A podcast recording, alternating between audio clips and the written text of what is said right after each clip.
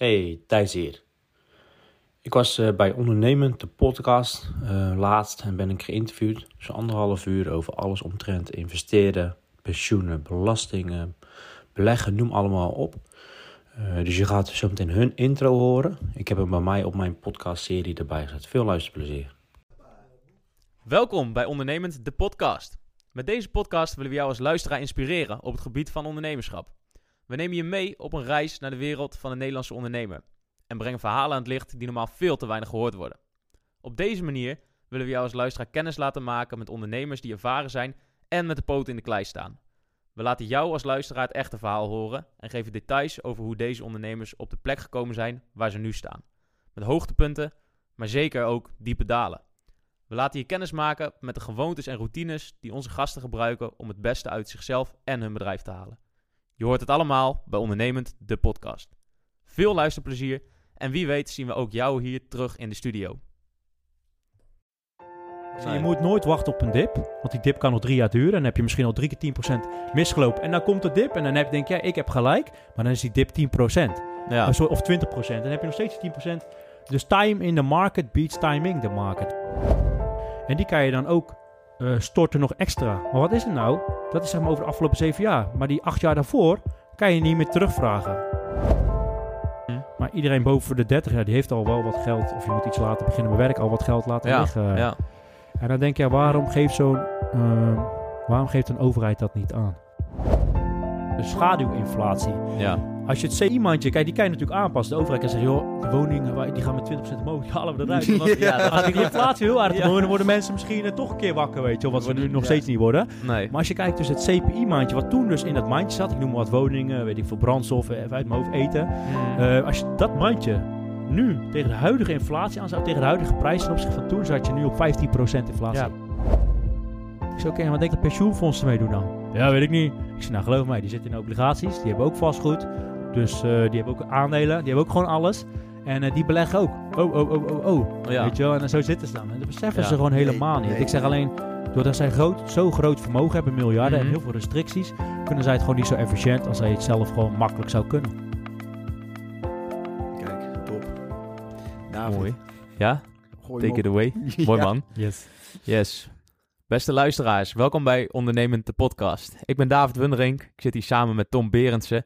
En vanavond hebben we iemand te gast in onze studio die een hoop kennis heeft over eh, beleggen, over pensioensopbouw en vermogensopbouw. Thijs Verlangen, welkom. Yes, dankjewel dat ik hier eh, mag, eh, mag zijn. Ja, Ja. Wat een leuk, jongen. Ja, super. Thijs, wij, eh, wij hebben elkaar al eh, kort gesproken van tevoren. Of ja, we hebben al een hele tijd zitten bellen. En eh, ja, je hebt een best wel een mooi verhaal. Je bent eigenlijk begonnen in, in loondienst. Ben je al eh, begonnen te beleggen. Al eh, circa tien jaar geleden.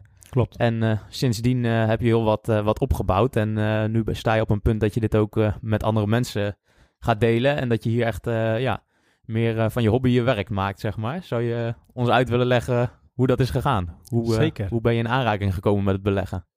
Eh, met het beleggen zelf is, eh, ik ben een beetje gestart op mijn negentiende. Toen eh, begon ik met eh, plus 500. Ik weet niet of jullie het wat Ja, zeggen. Ja, ja. dat is bekend. Met hefboomproducten. En dan weet ik nog goed. Ja, precies. Ja, dan weet ik nog goed. eh dan kocht ik. eh, oh ja, dat deed ik 's ochtends de DFT-leden, de, de lezer, de Financiële Telegraaf voorbeurs. Dus voor Ja. 9 uur, net eh, voordat het open ging. En, en dan ging ik kijken wat het nieuws was. En dan weet ik nog goed, er was PostNL. Ja, ze verwachten zoveel meer winst, zeg maar. Dus ik denk, nou, om 9 uur, ik ga hem gelijk kopen. Die schiet natuurlijk omhoog. Ik koop hem met een hefboom van, weet ik wel, 1 op 20 of 1 op 10. En ik eh, misschien 50 euro ingestopt. Ja, je bent 19, dus dan heb je nog niet al het geld. En die ging met een speer naar beneden en weg. en ik dacht, hoe, kan- hoe kan dat nou, joh? Dus toen heb ik al geleerd van, ja, de beurs is zo fucking onvoorspelbaar. Echt, Ja. het is zo complex. Gewoon, het is zo'n groot geheel. Hoe vaak zie je wel die positief nieuws? En dat dan toch, ja, dat, dat die koers keldert, weet je. Dat was weer net niet de verwachtingen van een belegger. Ja, een belegger die prijst natuurlijk de verwachtingen al, al mee, zeg maar. Zit in de koers Ja, precies. Ja. Ja, dan hadden ze weer blijkbaar meer verwacht. Ja. Ja, het is echt zo complex. En ja, toen heb ik al geleerd van eh, individuele aandelen. Dat is niks voor Thijs. En dat is eh, ook iets eh, wat ik ook helemaal niet meer doe. Tot Mm. op heden en nooit meer doe. Eigenlijk altijd indexen. Maar daar zullen we straks nog even over hebben, denk ik. Maar in ieder geval, zo ben ik begonnen op mijn 19e. Dus langzaam gaan beleggen. Ja, ja. Nou, die fout aan gemaakt. Gewoon tijdens mijn werk dat gedaan. Uh, ik ooit geld wel missen. Je woonde nog thuis. Op een gegeven moment is dat steeds een beetje verder gegaan. Wat meer gestopt in beleggingsfondsen. Bij Robeco weet ik nog toen de tijd. Die beheren dat dan. Oh ja, Dat is ook ja. het domste wat je kan doen. Ben ik ook inmiddels al achter. Want ja, je betaalt een hoop geld aan fondsmanagers die gewoon nooit boven de markt presteren. Tenminste 4%. In de gevallen op een termijn langer dan 15 jaar is wetenschappelijk bewezen. Mm. Dus dat is ook al zonder wij geld. En zo maak je heel veel fouten en dan eh, maak je die nooit meer. Ja, en die fouten, dat leer ik nu ook tijdens trek bij anderen, zeg maar. Hoe je het voor, voornamelijk zelf kan doen. Ja. Ehm, dus dat heb ik toen een beetje gedaan. En op een gegeven moment, ja, best wel wat geld, zeg maar, gestopt. Eh, het liep wel op. Eh, op een gegeven moment, nou, eh, een studielening ook genomen. Ja, Mhm. ik werkte er gewoon bij, dus ik had het geld niet nodig. Maximaal alleen alles beleggen. ja, ja, Je ja. hoort het wel eens voorbij komen. Ja, het, het mag natuurlijk niet, niet. Maar ja, oma Duo heeft mij wel veel geld opgeleverd met dat, met dat stukje. En, en zeker ook in deze tijd, want ja, de lening die is nog steeds niet afgelost. En ja, Mhm. door de inflatie tegenwoordig, misschien gaan we het straks ook nog over hebben, wordt die ook in reële waarde best wel minder waard. Dus Ja, ja. word ik weer, zeg maar, eh, eh, geholpen. ja. Ehm, dus dat zeg maar zo ik eh, een beetje ben begonnen. Dus dat was denk ik denk, ja, rond mijn 24 had ik best wel wat geld in, in, in aandelen zitten, zeg maar. Vooral beleggingsfondsen. Mhm. Ja. Op een gegeven moment is dat dan weer later overgegaan naar indexfondsen in eigen beheer, zeg maar. En op een gegeven moment crypto erbij, tegenwoordig goud, vastgoed. Dus op een gegeven moment ook nog erbij gekomen. Dus nu heb ik Mhm. best wel een brede portefeuille. Zo is dat een beetje gegaan. Ja, ik ben nu 29, dus 10 jaar verder. En eh, ja, wel een hele goed, eh, een goede strategie, zeg maar, die wel echt werkt ook. eh, Ja, ja. onderbouwd en wel. Ja, Ja, dat is wel mooi. Dus je hebt eigenlijk in, in die tien jaar heb je eigenlijk al wel, eh, wel heel snel wat, wat op kunnen bouwen. Ook gewoon, gewoon naast je werk. Ik bedoel, heel veel mensen die, ja, die denken altijd van ja, voordat ik echt wat heb met beleggen, weet je wel, dan, dan moet ik wel, weet ik veel, een eigen bedrijf beginnen of, of echt rare stunts uithalen. Maar door gewoon constant te beleggen en te leren en, en bezig te zijn, ja, heb je dus wel ook bewezen dat het, dat het gewoon kan. Zeker. Een van Ja. de belangrijkste dingen is eh, zo vroeg mogelijk beginnen. Je hebt natuurlijk het rente-op-rente effect. Hè? Ja, Einstein die vertelt dat zo mooi, degene die het snapt, die, die, die krijgt de, de verdiensten ervan. En degene die het niet snapt, die betaalt de rekening. ja, Ja, ja, het is echt zo. Dat effect, ik denk ja, misschien dat 80% van Nederland het niet kent. ja, En als je dat effect niet kent, ja, dat, ja, dat is echt niet normaal. Kleine bedragen per maand kunnen oplopen naar tonnen op lange termijn. ja, ja. Ik zou je een voorbeeld geven. Ken je dat eh, de Millionaires Baby? Heb je er wel eens van gehoord met beleggen? Nee, zeg maar niks. Als je, nou, Nee. ik heb net een kleine gehad, hè, dat vertelde ik net. Mhm. Stel, ik zou nu 2040 euro op haar rekening storten. Het is een, eh, een meisje. Dan zou zij op haar 65ste zou ze miljonair zijn. Als ik het op haar rekening stort in een beleggingsfonds, zeg maar. Bijvoorbeeld Ja. eh, de S&P 500, pak even eentje. Nou, die doet eh afgelopen eh, 150 jaar zo'n eh, Mhm. 10,3% per jaar. Stel, ik zou dus 2040 stoppen nu gelijk in dat potje voor de S&P. Ja, Als ze met pensioen is, nou niet dat ze dat wat dan heeft, maar Nee. dan is ze wel miljonair. Door Ja. één keer 2000 euro en 40, Ja, moet je 2040 nagaan. op te, Ja. erop te zetten. Ja. Ja, er zijn echt veel voorbeelden van. Hè? Dat als je dat ook vergelijkt van... eh, stel dat iemand bijvoorbeeld op zijn 25ste begint met inleggen... en eh, zijn broer of zijn vriend die begint op zijn eh 30ste... Ja. en die tweede gaat veel langer door met inleggen... dan heeft diegene die eerder begonnen is... aan het einde van, van de rit, als die 80 is bijvoorbeeld... nog steeds meer geld. Zeker. Omdat het gewoon puur door het, door het rente-op-rente effect zo... omdat Zeker. het zo sterk doorwerkt, ja. Zeker. Ja, Dat zie ik ook bijvoorbeeld met klanten, weet je, dan werken we echt naar een plan toe van ja, wat, moet je, wat heb je nodig op het eind? Wat moet je Mhm. daarvoor maandelijks opzij leggen tegen welke rendementen? En dan, ja, soms kom je erop uit dat het bedrag, weet ik veel, dat je op 700 euro per maand uitkomt. Nou, sommigen kunnen dat makkelijk leiden, anderen wat minder. ja, En dan zeggen ze, joh, dat vind ik eigenlijk te veel. Nou, dat is prima. Want als je dan zegt, joh, dan moet je gewoon één jaartje langer doorwerken. Dus dan ben je niet financieel vrij met 20 jaar of Mhm. 22 jaar. Dan wordt het 23 jaar. Doe je dat één jaartje eh, langer, zeg maar. Dus dat, ja, dat laatste stukje gaat natuurlijk super hard. Hè? Die van Ja, jaar ja. 22 tot 23. Dan kan het zomaar zijn dat die 700 per maand ineens terug gaan naar 550. ja, 22 jaar lang daarvoor, hè? En ja, Ja. dan Ja. zeg je, nou, vind ik nog steeds van. nou, Dan maak je vier. En zo maak je gewoon heel persoonlijk een plan. En dat Mhm. plan, dat ga je gewoon uitvoeren consistent. ja. Ja, en dan word je het. En dan hoef je niet tot je 69,5 door en dan eh, Ja. op een houtje te bijten. Want daar hou je alsnog niet zoveel over. Nee. eh. Maar ja, toch is het wel belangrijk hoor. Dat, ja, wij zijn er dan wel mee bezig, ook zelf met het beleggen. En, eh, en jij maakt er nu echt je werk van. En ik vind het ook wel echt een, een mooi iets, of eigenlijk een belangrijk, bijna noodzakelijk iets. Want vandaag ook weer het nieuws. nou, ik zag dat jij het ook gedeeld had, dat bericht van, van, van die rentes die nog verder naar beneden zijn gegaan. En die eigenlijk negatief gaan, nu al vanaf een lager spaarbedrag. Bedoel, ja, savers are losers in dit, eh, in dit geval. En eh, als je, als je niet, eh, niet investeert, dan, ja, dan loopt het gewoon bij je weg. Het is eigenlijk gewoon noodzaak geworden. Ja. zeker. Gewoon pure noodzaak. Als je zelf niks doet, Ja. ja, dan weet je, weet je zeker dat, Ja. dat het geld kost. Maar dit wordt ook al steeds meer mensen komen er op zich wel achter. En dat is Ja. natuurlijk ook goed voor mijn business. En dat Ja, merk ik ja. ook wel. Maar ik bijvoorbeeld, kijk, ik ben afgestudeerd op Nijrode. Mm. Dan krijg ik af en toe nog het magazine van Nijrode van Verre. En later heb ik daar ook een post over gemaakt. Want toevallig ging die over beleggen en vermogen dit keer. Dat was de editie. Oh ja, ja. En er stond in de CEO van de Euronext, zeg maar, van de Amsterdamse beurs. Die, eh, dat was iemand ook die op Nijrode heeft gezeten. En die doen altijd een verhaal, zeg maar, de leukere personen. Nou, de Hmm. Nijrodianen best wel vaak goede functies. ja zij ja, had dat ja. dus ook. En zij zeggen ook eigenlijk, in deze tijd is het gewoon... eh, ja, echt nood. Zij zegt gewoon, zij citeert Ja. gewoon, of tenminste, stond in dat ik heb het geciteerd. Gewoon, het is noodzaak voor de jongere generatie om echt te gaan investeren. Ja, Want de pensioen hoef je niet meer op te rekenen. En die AOW, daar hoef je ook niet meer op te rekenen. Mm. Nou, je pensioenleeftijd, nou, dat is 69,5 voor als je onder de 30 bent. ja, pure noodzaak is het gewoon eigenlijk. Echt pure noodzaak. Ja, zeker je weten. Ja. ook. eh, een, een, een oom van mij, die is voor een, volgens mij ondertussen al twintig jaar geleden met pensioen gegaan. En toen die man net pen- met pensioen ging, had die man het echt best wel goed voor elkaar. Had die man, eh, ik weet niet precies hoeveel geld hij had, maar toen die, toen hij dat net, eh, toen hij dat net kreeg, kon die man zich echt gewoon makkelijk en goed redden. En als je nu ziet, ja, dat, dat maandelijks pensioen wat die man krijgt, dat is natuurlijk niet geïndexeerd. Dus die krijgt gewoon net zoveel als wat hij toen in het begin kreeg. Die man die heeft laatst de huur van zijn garagebox op moeten zetten, omdat hij het allemaal niet meer kan betalen. Ja, serieus. Ja, Ja, dus ja, weet je, dat krijg je natuurlijk ook. Helemaal als je pensioen hebt, is allemaal niet geïndexeerd. En je bent er wel eh, ja, van afhankelijk. ja. Dus ja, Als dat de prijzen nu zo hard stijgen zoals nu. Ja, En jouw inkomen blijft altijd precies gelijk. Ja, dan, eh, dan heb je toch na een tijdje wel een probleem. Zeker. Mhm. Of Ja. als jouw inkomen wel stijgt met 2%. Ja, Ja. En inflatie is zoals nu, zeggen ze in het nieuws 5,6. Maar geloof Ja, mij, die is die veel is- hoger dan dat. ja, ja. Dan, ehm, dan denk je ook, ik heb 2% loonsverhoging. Ja, inderdaad. precies. Wel lekker. maar die reep chocola die is 6% duurder. Ja. Weet je? Dus ja, Ja, ja. dan eh, toch iets minder chocola eten dan. Dat schiet het niet op inderdaad, ja. Ja, hey, Matthijs, jij bent voor tien jaar geleden begonnen met beleggen. Ja. Je zegt eerst, ik begon eerst met al plus 500. Dat was geen succes. Nee, zeker niet. Daarna dat eh Robeco een beetje opgepakt. Dat ging ook niet al te best. Heb je nog meer dingen gehad die je in het begin eh, gedaan hebt... waarvan je achteraf denkt van... joh, weet je, dat heb ik toen echt helemaal verkeerd aangepakt.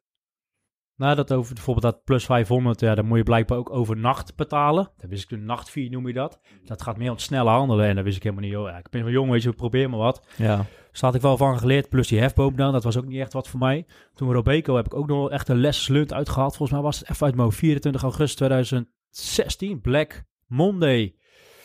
Kan ik me nog herinneren. Toen ben ik best wel geld verloren op die ene dag, op de Ja. maandag. En wat was er nou aan de hand? Ik had best wel wat geld in een beleggingsfonds in China zitten, die daar beheerd werd eh, door Robeco. En ehm, wat er nou was, China die maakte toen de tijd altijd 10% groei per jaar. Alleen op een gegeven moment kwam, ja, China is niet heel transparant over de cijfers. Mhm. En toen kwam ineens naar voren van ja, we hebben toch geen 3% gehaald vorig jaar. Of dit jaar gaan we dat niet halen, ik weet niet meer precies, maar het wordt eh 7%. En je weet hoe de media is, die zeggen oh 30% minder groei, weet je wel. Ja, 17 en 7. Ja, precies. dus trekken ze weer uit de verhouding natuurlijk. Ja, toen kwamen beleggers daarachter. En toen ging die koers, jongen, echt eh, met een rotgang naar beneden. Maar dat was de eerste keer dat ik een koersdaling meemaakte. Mm. Nou, toen had ik al, toen was ik bijna afgestudeerd. Dus al dat belegde vermogen, nou, je weet wat je ongeveer kan lenen per maand. Meer dan 1000 euro zat erin. Ja, nou, ja, toen ging die, volgens mij had ik echt, ging van, eh, ging misschien wel 6000 euro omlaag of zo. Op, Mhm. op één dag. Oeh, Toen dacht ik van, eh kut, toen sliep ik ook wat minder goed, zeg maar. ja. en, eh, en toen dacht ik, eh, heb ik uit paniek, ook heel dom, gelijk alles verkocht daar. Oh ja, echt? Ja. Het Chinese stuk, zeg maar. Ja. En toen heb ik ook geleerd dat een Robeco echt nogmaals kut is. Waarom? Zij doen even, eh, zij hebben even de tijd nodig om dat te verkopen.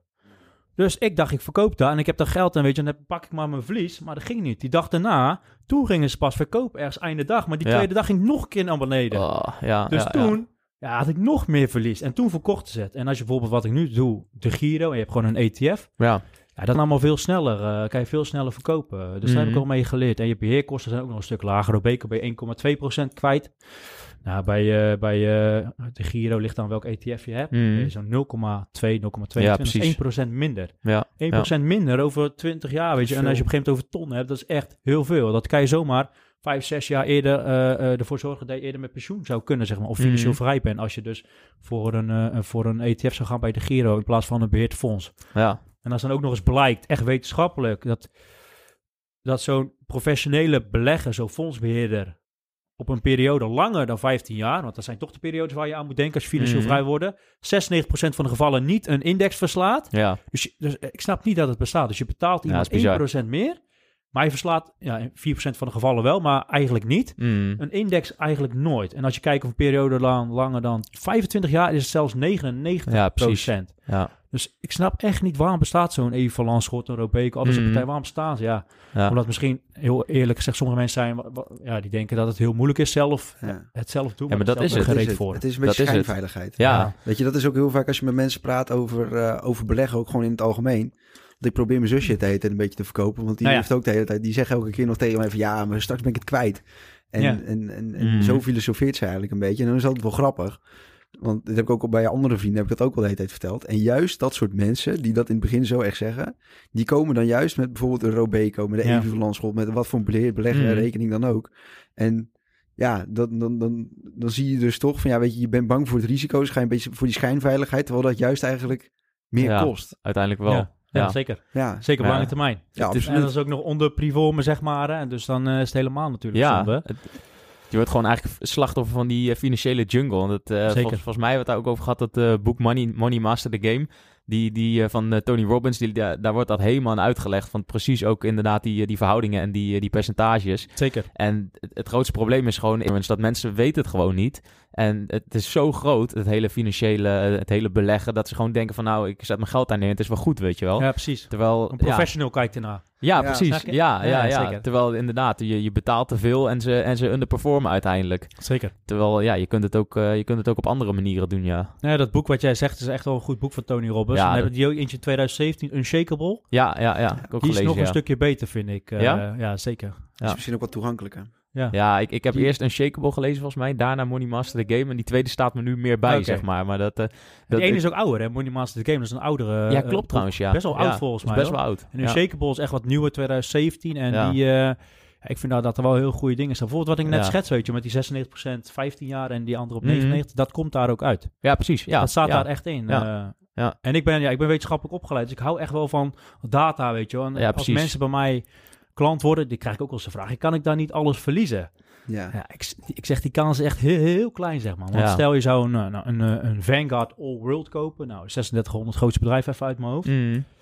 Ja, en die wordt ook nog eens up-to-date gehouden, weet je. Als sommige slechte, slecht presteren, dan gaan ze eruit, komen er weer betere in. Ja, ja. Ik zou het heel raar vinden als 3600 grootste Ja. bedrijven nu feed. Ja. Apple feed, Microsoft feed, iedereen feed, ja. Ja. Ja. Ik weet niet wat er dan, er moeten volgens Dan- mij een, eh, ja, ik weet het Ik weet niet. niet wat er dan met de wereld aan de hand is. dan beter leven wij... vragen, staat mijn huis dan nog wel Ja, dan leven wij ook niet meer. Dat denk ik ook niet, weet je. Dus ik zeg, nee, die kans is, die, dat bestaat gewoon echt niet. Eh, Nee. Maar zou jij bijvoorbeeld eh, een individueel aandeel kopen? Nou, ik weet niet of jullie het kennen. Imtech, en de Royal Imtech hadden wij in Nederland. Eh, zeg dat wat? Installatiebureau. 20.000 man, Nederlands bedrijf is Oh, eh, dat ken ik, ja. op de ja. beurs. Heel veel mensen in beleg. Nou, is een paar jaar Mhm. geleden failliet gegaan. Ja, als je dat Ja. doet, of DSB Bank, V&D, Lehman Brothers, eh, weet je, individuele partijen ja, kunnen failliet gaan. eh, Blijf, blijf toch gokken. Weet je, of je moet daar echt je werk van maken. Je moet er dagelijks mee bezig zijn. Maar toch, eh, de- denk ik, wat, wat jij ook in het begin zei, en dat geldt voor- bijvoorbeeld voor mijn geval ook, van ja, bedoel, eh, hoe wil, je, hoe wil je dat selecteren, weet je wel? Dan moet je er zoveel mee bezig zijn, dan moet je er eigenlijk zoveel van af weten. En ja, er zijn natuurlijk mensen die, die zeggen van ja, ik, eh, ik wil niet al die shit erbij kopen, ik wil alleen maar groeiaandelen Ja. die het goed doen, weet je wel? Ja, dat kan ook, maar dan, dan moet je er wel echt, eh, echt, echt serieus werk van maken. Ja, maar ook, dat zijn diezelfde studies eigenlijk, weet je. Dan, ga Ja. je, dan, dan denk jij dat je dus beter bent dan een professionele analist, hè, een econometrist of zo, Ja, van een nou. Robeco, weet je. Ja. Dat zijn echt de beste mensen die, dus, oh, de beste mensen die er zijn. Ja, en dan denk jij dat je dus eh, zeg maar Ronaldo bent op dat gebied, zodat je nog beter bent dan zij. En als zij al zeg maar op de lange termijn ja, Ja. ik snap echt niet dat mensen dus zoveel tijd gaan steken in jaarrekeningen lezen, Mhm. in eh, analyses doen, filmpjes kijken, weet ik het allemaal. Als je gewoon echt gewoon met echt één minuut een indexfonds koopt en lekker laten gaan. Ja, Ja. soms is het te Ja. saai. Ik, zeg, ik had ook laatst een quote Ja, eh, gelezen. Die gebruik ik wel eens van eh, investeren is het enige werk, of, of hoe, je het ook zegt, waar je met minder effort meer verdient. ja, precies. Je moet gewoon zo min Ja, mogelijk doen. gewoon wachten. En ook, niet aan de knoppen zitten. Niet denken, Nee. van, ik ga het er nou Nee. uithalen. Ik ga het er nou weer bij stoppen. Nee. Ja. Maar wat, wat ook gewoon heel gevaarlijk is eh, met, die, met, die, eh, met die beheerd beleggen en zo, dat ook gewoon zelfs dat die resultaten altijd gewoon zo verknipt worden gepresenteerd. Weet je wel? Dat je gewoon, ook als je dat boek leest, kom je er gewoon achter dat eh, alle resultaten waarmee geadverteerd wordt zijn bruto. Dus er gaat dan nog echt, er gaan nog zes verschillende Ja. soorten kosten vanaf. Zeker. Het is altijd het beste fonds wat dat jaar het beste presteer- presteert, wordt zeg maar weer gegeven. En die wisselt gewoon elk jaar. Ja. Dat, ook, die, ook statistisch gezien dat je gewoon net zo goed een eh, hok vol met apen kan zetten. En eh, gewoon wachten tot er eentje zes gooit. Ja. En dan, en dan is het ook statistisch gezien zo dat het fonds wat dit jaar het beste presteert, dus volgend jaar waarschijnlijk minder presteert. Omdat het gewoon, ja, eh, average to the mean is, zeg maar. Het komt altijd weer terug op het Ja. gemiddelde. Zeker. Dus ja als, je, ja, als je dat soort dingen allemaal inderdaad statistisch gaat bekijken, dan denk je van ja, En waarom doe je het? Waarom, ja, inderdaad, waarom bestaat dat en waarom Zeker. doe je het? Het is Ja. gewoon één groot, eh, groot kaartenhuis. Het is gewoon een marketing, eh, marketingspel. Zeker, ja, en als je er veel geld bij gemoeid is, hebben ze veel invloed, hè? Ja, ja, Dat is nou eenmaal zo... eh, ja. dus dat zijn wel dingen die ik heb geleerd. eh. Ja. ja. Dus mensen een stukje financieel eh, wijzer maken wat dat betreft. Zeker. Ja, Ja, Matthijs, jij zegt net, ik ben wetenschappelijk opgeleid. Ja. Wat heb jij precies gedaan voor opleiding? Eh, ik heb meerdere opleidingen gedaan, ben een beetje van beneden af begonnen. Ik heb eerst eh, elektrotechniek gestudeerd op MBO 4. Toen was ik daar klaar mee. Toen heb ik eh, HBO elektrotechniek gedaan in de avonden, dus naast mijn Hm. werk vier jaar lang. En toen eh, ben ik op een gegeven moment naar een andere werkgever gedaan. En toen heb ik dus in het weekend, op de vrijdagavond en zaterdag, eh, een master gehaald bedrijfskunde op de Nijrode. Oh ja. Zo ben ik wel een beetje onderaan begonnen en heb ik me helemaal opgewerkt. En, eh, en, eh, maar wel een heel leuke, leuke route. En eh, ja, dus dat is een bedrijfskundige opleiding. Dat is dus ook al het eerste waar je zeg maar, financiële dingen krijgt. Kreeg, leerde je ook al wat over aandelen en obligatie. Ja, dat vond ik natuurlijk super interessant. En dan wist je gelijk al wat af natuurlijk, omdat je wat eh, bagage had. Ehm, dus dat heb ik eh, als, eh, als laatste opleiding gedaan. Maar jouw interesse voor, Ja. voor het investeren en zo, dat kwam eigenlijk nog voordat dat geïntroduceerd werd bij jou op de opleiding. Ja, zeker. Oké. Ja. Dus heb je daar ook tijdens je opleiding nog wat aan gehad? Dat je zegt van, joh, door mijn opleiding kan ik nu, weet ik veel, beter technisch, technisch analyseren of weet ik veel wat. Dat je nu beter mensen kan helpen met dat beleggen?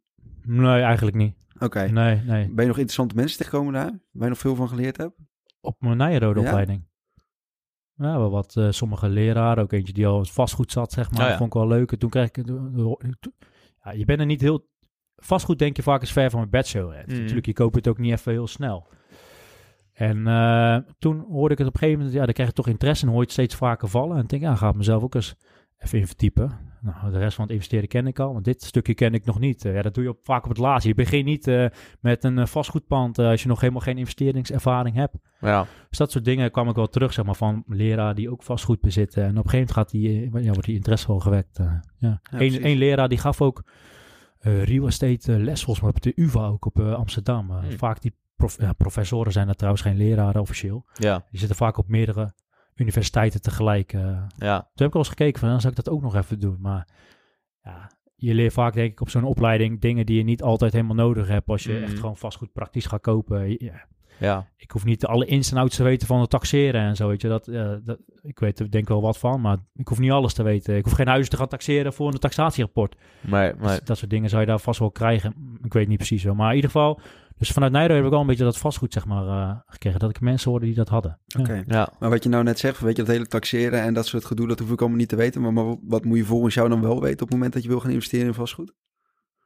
Ja, je moet eh, van alles weten. Ik kom heel veel bij kijken. Ja. Eh, vooral netwerk. En wie moet je hebben, zeg maar. Kijk, dat was ook al volgens mij in het boek Think and Grow Rich van Henry Ford. Op een gegeven moment werd hij dan een soort voor gek verklaard. Ik denk, Ja, ja, ja. Weet je wel, dan van, Ja. nee, jij snapt helemaal niks. Ja, Mhm. boeit me ook gereed als ik maar gewoon weet wie ik moet hebben. ja. Ja, Als ik maar weet op welke knop ik moet drukken. en dan- zeker. Als ik iets wil getaxeerd wil hebben, weet je, Ja. dan, dan bel ik gewoon, of iets wil kopen, nou, dan bel ik een eh, taxateur daar Ja. in de buurt die ik dan ken. En dan vraag ik gewoon, ja, waar kan het op getaxeerd worden? Weet je, heb ik een beetje een waarde, zeg maar. Ja, waarom, waarom zou ik zelf allemaal heel moeilijk eh, Mhm. gaan lopen doen? Eh, maar kijk, er zijn ook dingen waar je zelf echt wel heel veel van moet weten. En dat is bijvoorbeeld eh, met de puntentelling voor de Ja, huurpunten ja, en zo. ja.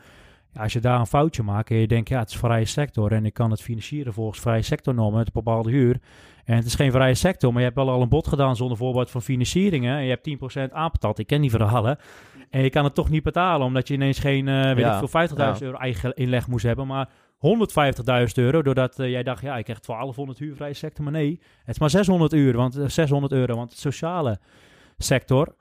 Ja, dan kan je goed eh, de fout ingaan, zeg maar. En, Ja. eh, en eh, ja, dan kan het zijn dat je... Ik ken verhalen dat van mensen die het niet meer konden betalen... want ze te veel eigen inleg in moesten brengen. Mhm. Ja, dan moet je die boete aftikken. Dan heb je een pand van 2 ton gekocht, heb je 10% aanbetaald... ben je 20.000 euro kwijt. Ja, ja, ja. Ja, dat zijn hele Wow. dure fouten die je liever niet wil maken. Dus Ja. toen ik heb gekozen om, eh, eh, om vastgoed in te gaan... heb ik ook een, eh, een coaches genomen, zeg maar. Mhm. En daar heb ik heel veel van geleerd. En ehm, ehm, ik ben sowieso wel van de coaches. Ik vind dat gewoon heel waardevol. Iemand heeft zoveel kennis, weet je wel. En dan betaal ik liever maar even wat geld en dan leer ik daar heel veel van. En zo heb ik dat toen de tijd met vastgoed ook gedaan. Eh, toen eh, heb ik coaching gehad van een stelletje uit, eh, volgens mij was het Nieuwegein. En die hadden al 17 panden. En het was Zo, toen- en ze ja. waren nog onder de 40. Nou, die had het heel goed gedaan, zeg maar, financieel vrij en zo. En eh, ja, kunnen jullie het mij ook niet leren, weet je? Nou, toen eh, natuurlijk Ja, betaald ja. daarvoor. En samen met hun het eerste pand aangekocht. En echt hadden we wekelijkse meetings, Zoom-meetings vaak. En dan keken ze gewoon mee en heb ik echt zoveel van geleerd. Maar ook gewoon kleine tips. Maar een hele Mm. kleine tip. Die, ik, eh, nou, ik zou je een tip geven. Je kan in Nederland, als je een pand koopt, kan je het ver, eh, moet je een vastgoedhypotheek opzetten. Een verhuurhypotheek. Een eigen woninghypotheek kan niet, zeg maar. Weet je, als je nu gaat verhuren, dan, dan mag niet. Nou, vaak kan je dan zo'n 75% financieren, zeg maar, van een woningwaarde. ligt ook weer aan die puntentelling, wat voor huur je krijgt, voor de staat, bla bla bla. Mhm. En toen zeiden die vastgoedcoach tegen mij, ja Thijs, jij werkt nog, jij bent je werkgever en je hebt een goed inkomen. Wat jij kan doen als voordeel, je kan ook naar Duitsland gaan voor een hypotheek. Toen dacht ik, ja, Duitsland, waarom zou ik naar Duitsland gaan? Ja. Ja, daar zijn die rentes een heel stuk lager. Mm. Nou, ik weet toen de tijd nog, dat was dan eh, eind 2020, Mhm. toen, ehm, toen was de Nederlandse bankrente was rond de 3,5% volgens mij. 3,5%, 4% volgens mij die kant op. Eh, voor een verhuurhypotheek. En in Duitsland 1,99. Ja. Oké, ja. 2% lager, hè? Maar 2% lager over een looptijd van 30 jaar. Ja, dat zijn, eh, ik weet, ik heb niet uitgerekend, maar dat gaat misschien over een half ton, misschien wel een ton. Ja. ja. Zoveel heb ik die mensen echt niet betaald. eh. Nee, precies. Nee, Dus daarom. Eén tip. Eén, één ja. tip. Maar dat is gewoon met coaching. Je hoeft maar één ding eruit te halen. En als je dan, weet ik veel, je hebt misschien wel een paar duizend euro voor neergelegd. En als je één dik eruit haalt en het levert je op en je onthoudt het. Mhm. Ja, dan eh, ben je spek open daarna. Dus ja, mijn volgende pand heb ik weer via een Duitse bank gedaan.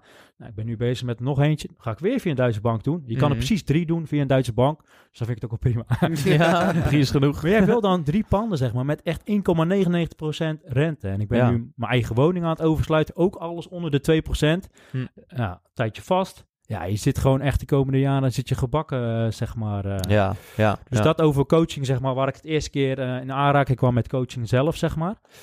En eh, ja, sindsdien ook wel echt veel coaching en cursussen gedaan, ook, eh, ook in de vastgoed en heel veel van geleerd. Hm. En dat zit allemaal wel verwerkt in mijn traject, ook nu wat ik ook andere mensen leer. Zeker. Ja, Maar wat zou jij dan zeggen? Hè? Wat, vanaf wanneer is het een moment dat je ook echt naar zo'n vastco- vastgo- zo vastgoedcoach toe kan gaan? Wat moet jij als, ja, hoe moet ik het zeggen? Als, als ja, zal ik maar even leerling noemen dan. Wat moet jij als leerling zo'n coach dan te bieden hebben? Maar weet je, niet iedere vlierenfluiter die kan natuurlijk even naar zo'n, naar zo'n man Nee. toe gaan en zeggen van, joh, weet je, kan je me even helpen? Terwijl jij alleen Klopt. maar een, eh, een horloge en een fiets hebt. Nee, klopt. Zeker niet. Eh, ze hebben wel bepaalde criteria waar je aan moet voldoen. Eh, je moet Mm. natuurlijk wel willen, dat is wel het belangrijkste. Je moet ook zeker, het zijn coaches hè, dus je moet zelf wel het werk verrichten. Ze sturen jou een beetje bij, maar die drie, Mhm. en dat was toen ongeveer drie maanden heb ik toen bij hun gelopen, tot mijn eerste pand. Maar er is wel echt wel veel werk in gestopt hoor, eh, vanuit mijn kant. En zij sturen je bij, zij kijken mee. Het is wel heel Mhm. erg fijn dat je gewoon professionals achter je hebt staan. En dat je weet dat je geen dure fouten maakt, zoals net die 10% ja. boete dan. Hè? Ja, ja. Maar ehm, eh, waar, zij, op- waar zij naar kijken toen de tijd was van, joh, heb je eigen geld? Dus wat was het toen? Volgens mij iets van 70.000 euro uit mijn hoofd. Ehm, of heb je dat eventueel in de vorm van overwaarde op je eigen woning? Mhm. Nou, dat had ik toen wel, eh, die combinatie was er.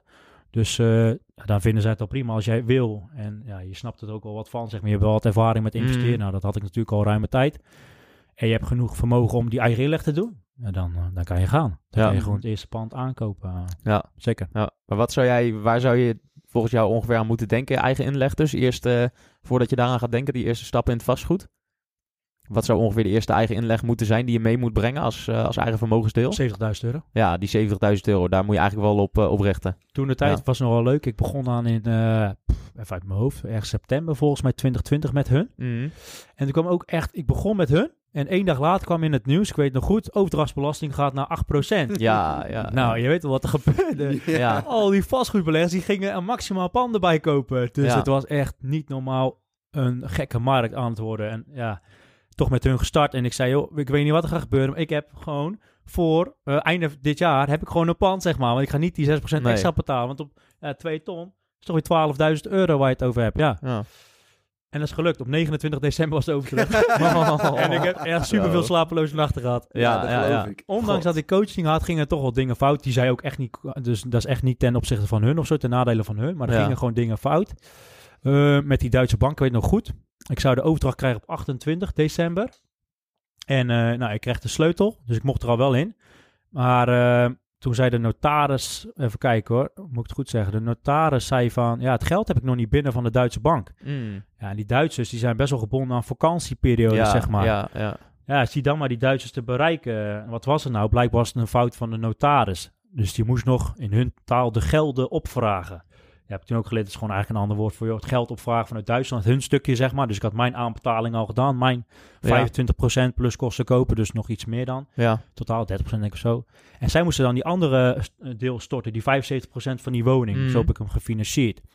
En dat hadden ze dus nog niet gedaan. Ja, toen kon het dus bijna weer niet doorgaan. En toen moest eigenlijk die koop naar volgend jaar gaan. Toen Ja. zei ik tegen die notaris, ja, ik zeg leuke nadig. Ik zeg maar, ik betaal jullie, weet ik veel, 1200 euro. En het is volgens mij jullie fout, want ik, het was heel leuk. Ik had echt twee weken, ik ben echt een controlfreak. Twee weken daarvoor heb ik nog gemaild naar hun. Mhm. Ik zeg, oké, 28 december, om een bepaald tijd, 1 uur was volgens mij, sta ik bij jullie voor de deur. Is alles geregeld dat we Mhm. geen gekke dingen krijgen die dag? Dat heb ik echt letterlijk zo naar hun toe gemaild. Ja. Nee hoor, alles is perfect, tot dan. Dus ik kom daaraan en ik weet nog goed, ik ging in die wachtruimte zitten bij de Mhm. notaris. En eh, op een gegeven moment eh duurde lang. Ik denk, ja, ik moest toch al lang geholpen worden. Ja. Dus ik naar die receptie toe. Ik zei, ja, ik zit hier al even. Volgens mij eh, moet ik geholpen worden. Zij zei, ik ga even bellen. Dus zij bellen zo. En ik ja, kon niet meeluisteren, maar ik zag haar gezicht. En ze zei, oh, meneer weet hier niet van. Ik denk, oh nee, wat, krijgen we, wat krijgen we nou weer? Dus toen hing ze op, weet je wel. Ja, ga nog maar even zitten. Eh, De notaris kom je zo halen. Nou, toen nog een kwartier zitten, toen kwam de notaris. En toen moest ik mee naar de kamer. En toen zei ze van, ja, ja, we hebben een fout gemaakt. We, hebben, we zijn vergeten de gelden op te vragen door miscommunicatie vanwege drukte. Nou, drukte snap ik, want het was echt super druk. Vanwege Ja. die overdrachtsbelasting. Dus ja, misschien kan je het ook niet kwalijk nemen. Maar afijn, ik zei ja, maakt mij niet uit. Maar jullie maken die fout. Ik ga die 6% extra niet betalen als ik naar volgend jaar ga. Ja. Nou, toen zeiden ze, oké, dan willen wij dat wel betalen. Dus toen was ik wel wat Ja? meer gerustgesteld. Ja. Ja. Zo, dat is wel een lekkere Zeker, dus notaris. ik kwam gelijk thuis, gelijk zwart op wit natuurlijk weer op de mail gezet. Weet je, zoals net Ja. besproken, bla bla. Ja, ja, ja. Maar fijn, eh, ik een sleutel toch gekregen van de makelaar, 28e. Gelijk een beetje gaan verbouwen. En de dag daarna werd ik eh, gebeld Hm. van, eh, het is toch gelukt met, ze- het geld werd ineens gestort. Oké. Het was toch nog rondgekomen dit jaar, dus de notaris hoeft uiteindelijk niks extra's te betalen. Dat was ook Maar- al gedoe geweest. Ja, maar toch voor mij ook wel. Ik heb echt wel eh, slapeloze nachten gehad, dat weet ik Ja. wel. En ik weet wel met het taxatierapport, dat duurde maar, dat duurde maar voordat ik die kreeg. Maar ja, de Duitse bank die had hem weer zes weken van tevoren nodig. En anders kwam de overdracht weer, weet je wel. Ja, oh ja, jongen, dat was echt een drama. Het is constant bellen, bellen, bellen. Het was zo'n drukke periode. Ja, ja, ja. Dus ik heb een paar nachten echt gewoon geen oog dicht gedaan. Geest tegen de klok. Maar nu ben ik wel heel blij mee. Ja, zeker. Uiteindelijk toch goed uitgepakt, ja. Mhm. Ja, Uit je comfortzone gaan, dat is wel het belangrijkste wat ik heb geleerd. Dan, eh, Ja. dan haal je het meeste uit. Ja, precies. ja precies. Echt niet normaal. Ja, ja. Hey, Ja, maar Thijs, dan nog eventjes wat anders. Hè? Want ehm, jij zegt eind 2022 was het in één keer topdrukte. I- Al die beleggers die gingen in één keer volop, eh, volop al die vastgoedpanden kopen en zo. En dat hoor je nu eigenlijk ook wel steeds meer. Ook voor mensen die een beetje in het vastgoed willen beginnen. Ja, weet je, er zijn geen deals meer. Ja. Of eh, ja, weet je, er is gewoon niks meer te vinden. Hè? Wat, wat is nou jouw mening daarover? Is dat nu nog steeds zo? Ja, het is heel erg krap. eh.